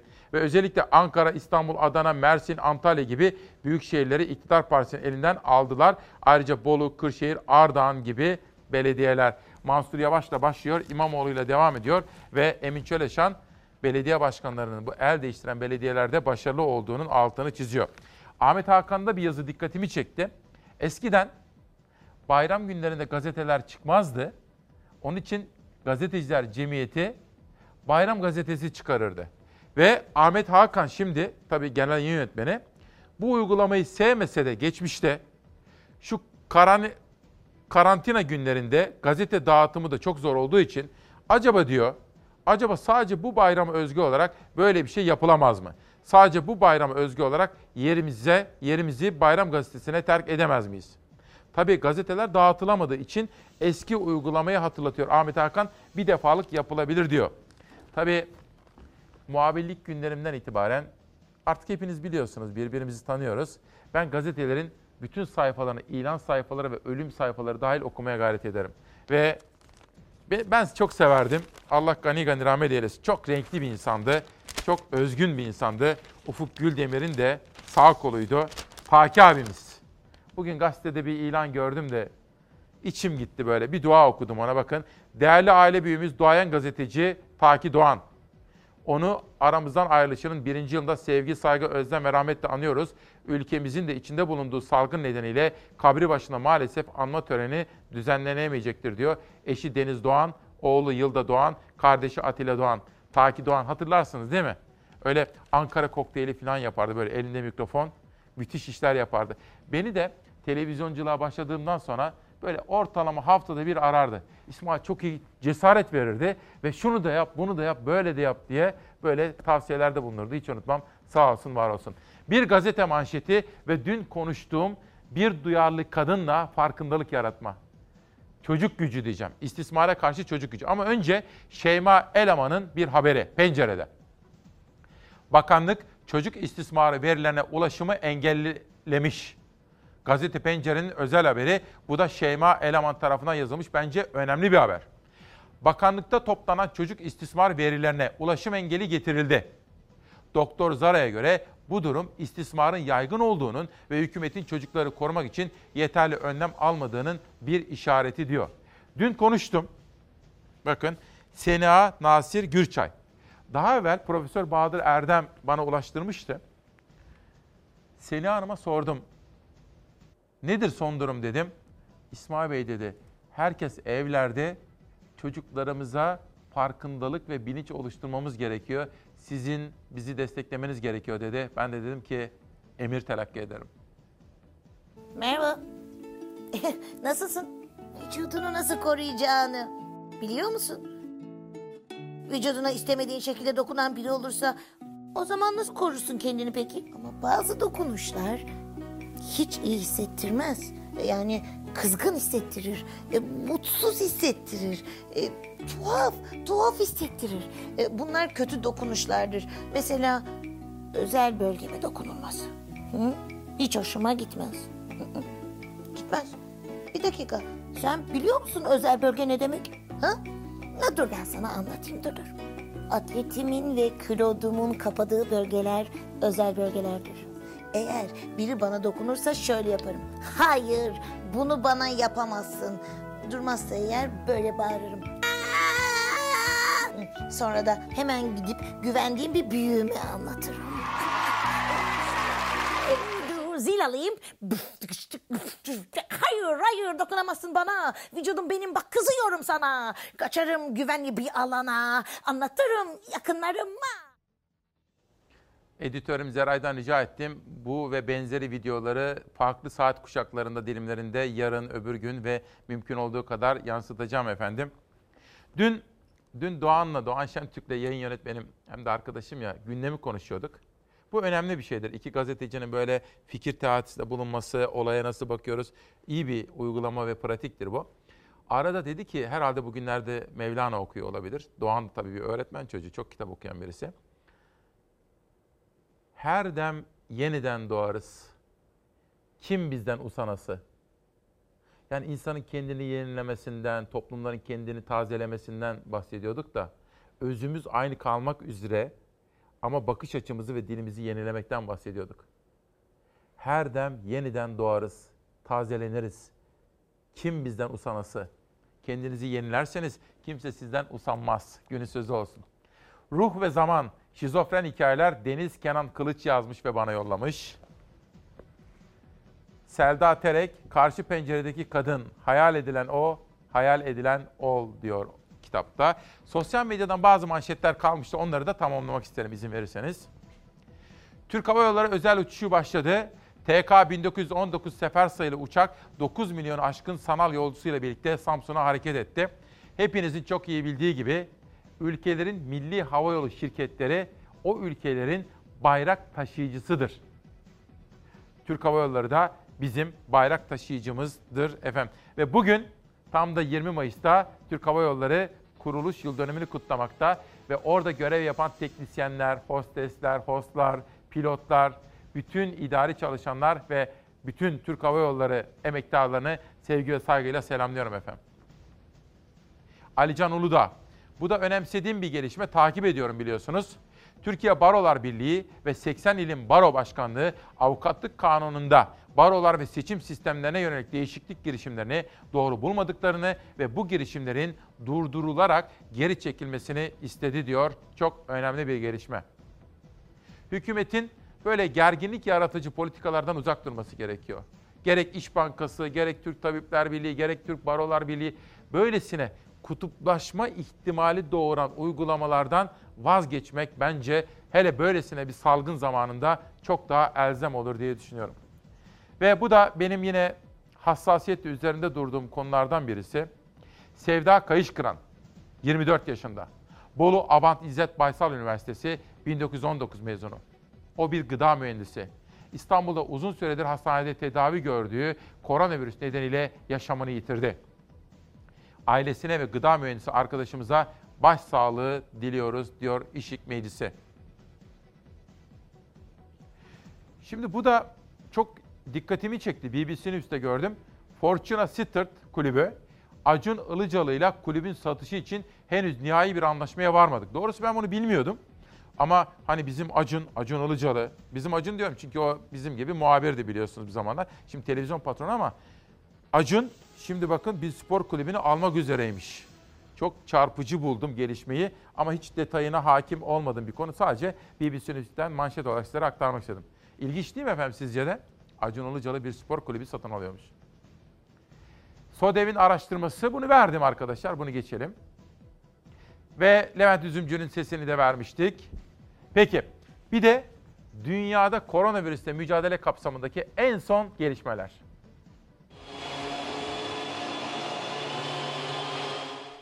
Covid-19 Rusya ve Brezilya'yı virüsün merkez üssüne çevirdi.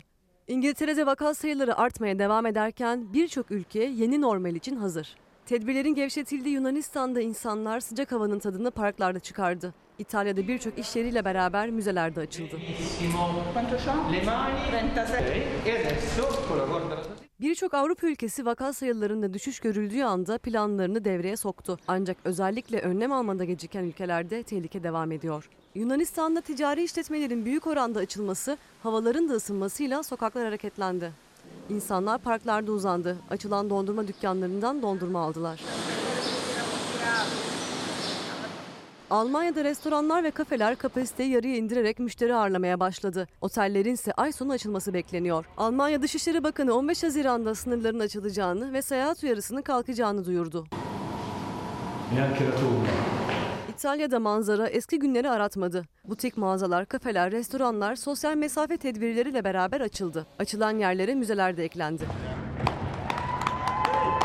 İngiltere'de salgın ciddiyetini koruyor. Hükümet virüsle mücadelede sınıfta kalmaya devam ediyor. İşletmecileri bakım evlerinde gerçekleşen ölümlerden hükümeti sorumlu tuttu. 15 binden fazla can kaybının yaşandığı bakım evleri işletmecileri yaşanan trajedinin ihmalden kaynaklandığını belirtti. İngiltere'nin prestijli üniversitesi Cambridge 2021 yazına kadar derslerin çevrim içi yapılmasına karar verdi. Covid-19 rüzgarı Brezilya ve Rusya'da çok sert esiyor. Brezilya'da bir günde 10 binden fazla kişiye virüs bulaştığı tespit edildi. Hastane yatanların sayısının zirve yapmasıyla sağlık sisteminin çökme noktasına geldiği belirtildi. Rusya vaka sayısının 300 bine çıkmasıyla Amerika'dan sonra en yüksek vaka oranı görülen ikinci ülke oldu. Ahmet Hakan'ın bir önerisi var ya, hiç olmazsa bu bayram zaten sokağa çıkma yasağı var. Bayram gazetesi uygulamasına dönelim diyor ya, okudum onu.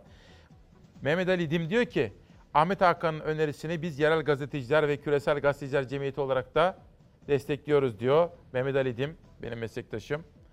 Bu bayram için iyi bir uygulama. Fakat Kemal Ulusu, o da tabii müthiş bir insandır Kemal Ulusu. Babası Atatürk kuşağı, Atatürk'ün en yakındaki isimlerden biri. Sevgili İsmail, Bayram Gazetesi için Ahmet Hakan önerisini dile getirdin. Türkiye'de medyanın şu andaki durumunu düşününce bu ne kadar mümkün olabilir? Mesela düşünelim diyor Kemal Ulusu. Mesela Yılmaz Özdil ile Ahmet Hakan, Mustafa Balbay ile Fuat Bol aynı gazetede bir arada yazabilir mi diye bir soru soruyor. Gerçekten ilgi çekici bir tartışma efendim. Çok ilgi çekici. Elif Gülenç İçöz Hazine isimli kitabıyla Çalar Saat'te ve bir kitap daha Türbülans isimli kitap. TSK ne diyor bakalım bu neymiş? Bunu geçelim ne olduğunu tam anlamadık. Okuyup şöyle sonra bakalım. Heh, Susma diyor Türbülans Oz Nur isimli arkadaş. Ha, bir kadın subayın TSK içinde yaşadıklarını anlatmış. Ama okumadığım kitaplar bugün sizlere 9 ayrı kitaptan alıntılar yapıyorum. Savaş bir marş verir misin bana? 19 Mayıs'ta dün o duyguyu, o coşkuyu ve aynı zamanda manasını biraz ver bakalım Savaş duyalım, Türkiye duysun. Bu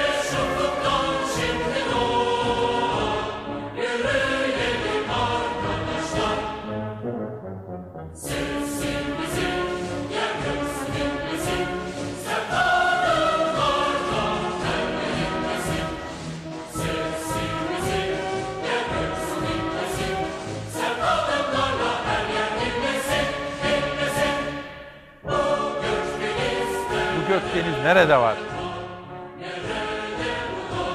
Nerede bu dağlar taşlar?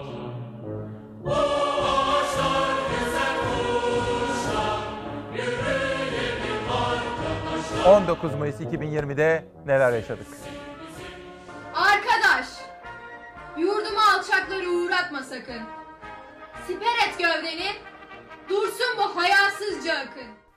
Mayıs Atatürk'ü anma, gençlik ve spor bayramı virüs salgınına denk geldi.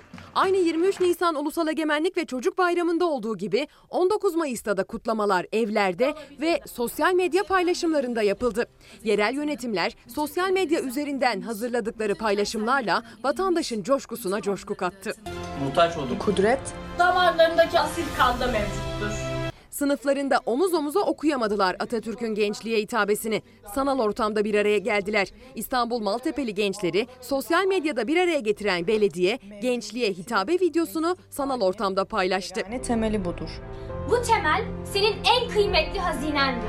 İstikbalde dahi seni bu hazineden mahrum etmek isteyecek dahili ve harici bedhahların olacak. İzmir'in Ödemiş ilçesi cadde cadde bayram coşkusunu paylaştı sosyal medyada. Atatürk Caddesi'nden Samsun Caddesi'ne, Egemenlik, Hürriyet, Millet caddelerinden Gençlik Sokağı'na Atatürk'ün en sevdiği şarkılar paylaşıldı. Seni yerlerde göklerde bulamazlarken Bende gizli olduğunu sezenler olmuş Ödemiş Belediyesi sadece şarkılarımız değil sokaklarımız da sana çıkar dedi. Kentin tüm Atatürk büst ve heykelleri atanın en sevdiği şarkılarla sokağa çıkamayan Ödemişlilerin gözleri önüne serildi. Benzemez kimse sana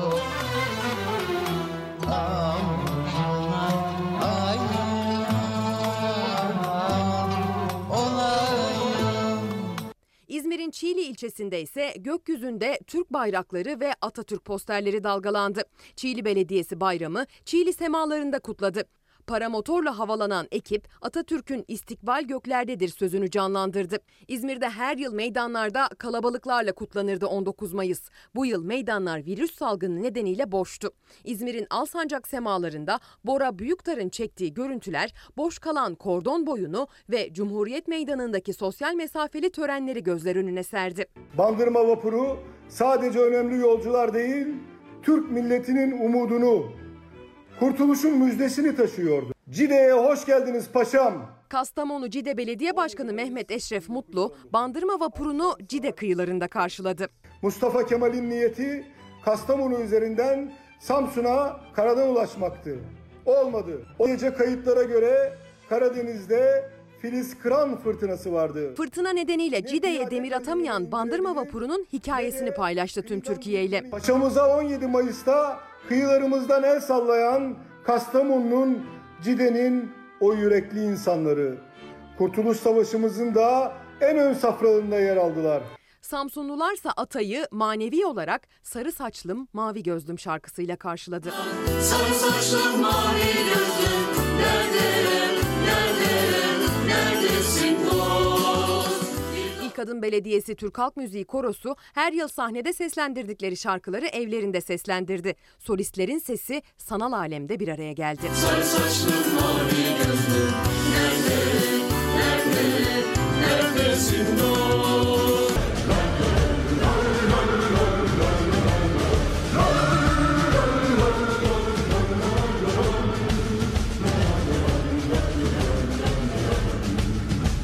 İşaret diliyle 19 Mayıs kutlama videosunu sosyal medyadan tüm işitme engelli gençlere ulaştırdı. Dağ başını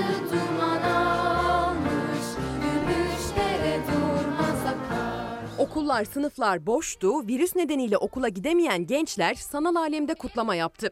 Evlerindeydiler ama okul formalarını giyerek kamera karşısına geçtiler. Atalarını andılar. Kurtuluş'un 101. yılını okullarının bir araya getirdiği videolarda sanal platformlarda kutladılar. Güneş ufuktan şimdi doğar Yürüyelim arkadaşlar Tabii kolay bir şey değil ama Ezgi Gözeger çok emek harcamış. Teşekkür ediyorum kendisine. Güzel derleme. Şimdi sıradaki mesajı lütfen dikkatle takip ediniz. İsmi bende saklı. Ben Hakkari'nin Yüksekova ilçesinde yaşıyorum. Babam belediye personeli. Buraya aylar evvel kayyum atandı. Fakat bizim maaşlarımız ödenmiyor. Bütün belediye personeli ve aileleri çok zor durumdayız. Siz bizim sesimizi, duy- sesimizi duyurursanız Ankara'dakiler de duyarlar. Bizim maaşlarımızı kayyum belediye başkanı neden ödemiyor diye soruyor. İsmi bende saklı bir arkadaşım. Bir de Cihat Yağcı meselesi var. Cihat Yağcı meselesi gelsin arkaya. Bugün Yılmaz Özdil uzun bir derleme toparlama yapmış efendim. Amiral Cihat Yağcı meselesinin perde arkasını açıklıyorum. Ve Türkiye'de özellikle TSK söz konusu olduğunda Ergenekon sürecinden başlayarak yapılanlar ve halkımız şöyle bir cümlesi var Yılmaz Özdil'in. Bütün bunlar herkesin gözünün önünde yaşanırken Sayın Alimiz cesaret gösterip neler oluyor demedi. Şimdi vay efendim Amiral Cihat Yağcı istifa etmiş de acaba perde arkasında neler oluyormuş filan diye soruyor ve aslında duyarlılık istiyor vatandaşlardan. Nedim Şener, Cihat Yağcı'yı seven bir isim, destekleyen bir isim ve meydan FETÖ'ye kalmayacak. Belli ki Cihat Yağcı ile ilgili gelişmelerden kaygı duyuyor ama yine de FETÖ ile mücadelede halen görev başında olan polisler, üst düzey yargı mensupları, savcılar, hakimler olduğunu da altını çiziyor. Nedim Şener de FETÖ sevinmesin diyor efendim. Peki başka gazetelerde olmuyor bu çok fazla. Başka televizyonlarda neredeyse hiç tartışmıyorlar. Ama Cihat Yağcı meselesi önemli bir konu. Deniz Kuvvetleri Kurmay Başkanı olarak Mesnetten yoksun olduğunu düşündüğüm FETÖ'vari kumpasları çağrıştırırcasına gerekçelerle emre alınmanın yanı sıra apar topar ayrılışımın yapılmasının emredilmesi onurumu örselemiştir. Tüm Amiral Cihat Yaycı'nın kaleme aldığı istifa dilekçesine yansıyan en önemli satırlar FETÖ'vari kumpas vurgusu ve görevden alınma kararı sonrası herhangi bir birime değil de Genelkurmay Başkanı emrine verilmesi. Apar topar makamını boşaltmasının istenmesi. Herhangi bir göreve atanmış olsaydım görevi bir an dahi tartışmaz ve ifa ederdim. Alenen boşa çıkarılmış, onuru örselenen bir amiral durumuna düşürülmek istenmekteyim. FETÖ'cülerin beklentileri karşılandı.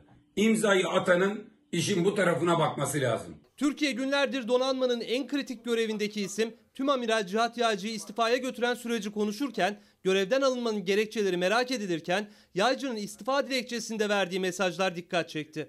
Kurmay Başkanlığından Genelkurmay'ın emrine verildiğini, gece 3'te öğrendiğini, Deniz Kuvvetleri Komutanı'nın dahi haberi olmadığını söyledi. Adeta kumpas kurularak yalan ve iftiralar neticesinde görevden uzaklaştırılmış bir amiral olarak mesleğimi icra edemeyeceğim açıktır. Silahlı kuvvetler mensubu olmaktan müthiş bir gurur duyuyorum. Bir ihale sürecine itirazı ve bunun bahane edilip görevden alındığı iddiası gündemde. Milli Savunma Bakanı Hulusi Akar'ın da fazla öne çıkmasından rahatsız olduğu iddiaları var ama ne gerekçe açıklandı ne de Akar konuştu. Yaycı, onurum örselendi, FETÖ'cüler sevindi dedi. Sayın Cumhurbaşkanımızın iradesi çerçevesinde başlayan Fethullahçı terör örgütü mensuplarına karşı mücadelemde başarılı olduğumu bugün hainlerin yaşadıkları sevinçten daha iyi anlıyorum. 40 yıl taşıdığı üniformayı çıkarmanın burukluğuyla kaleme aldığı istifa dilekçesinde FETÖ ile mücadelesi gibi Mavi Vatan projesi Libya mutabakatında oynadığı rolü anlattı yaycı. Son mesajı ihtiyaç olduğunda göreve hazırım oldu. Bir sivil olarak ihtiyaç duyulabilecek ve fırsat bulduğum her alanda hizmete devam edeceğimi belirterek istifamın kabulünü arz ederim. Yaycı'nın görevden alınma süreci gibi istifa dilekçesi de çok konuşulacak gibi.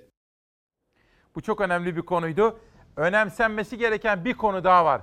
Kuzey Kıbrıs'ın hakkı Kuzey Kıbrıs'a. Bugün Kıbrıs güvenli bir ülke. Kıbrıs, özellikle Kıbrıslı Türkler başarıyla birinci dalgayı atlatmış durumdalar. Bir ilke imza attılar, virüsü tamamen yendiler. Kuzey Kıbrıs Türk Cumhuriyeti'nin başarısı tüm dünyadan alkış aldı. Ama Dünya Sağlık Örgütü bu başarıya kayıtsız kaldı. Kıbrıslı Türkler Dünya Sağlık Örgütü ortak üyesi olsun imza kampanyamızı açmış bulunuyoruz. İş insanları, sporcular, futbolcular, bu konuda duyarlılık gösteren sanatçılar daha fazla duyarlılığınızı bekliyoruz. Her verilecek imza Kıbrıslı Türklerin Dünya Sağlık Örgütü'ne daha kolay gitmesi konusunda bir farkındalığa sebep olacaktır. Lütfen Kıbrıslı Türklerin Dünya Sağlık Örgütü ortak üyesi olması konusunda kampanyayı imzalayın.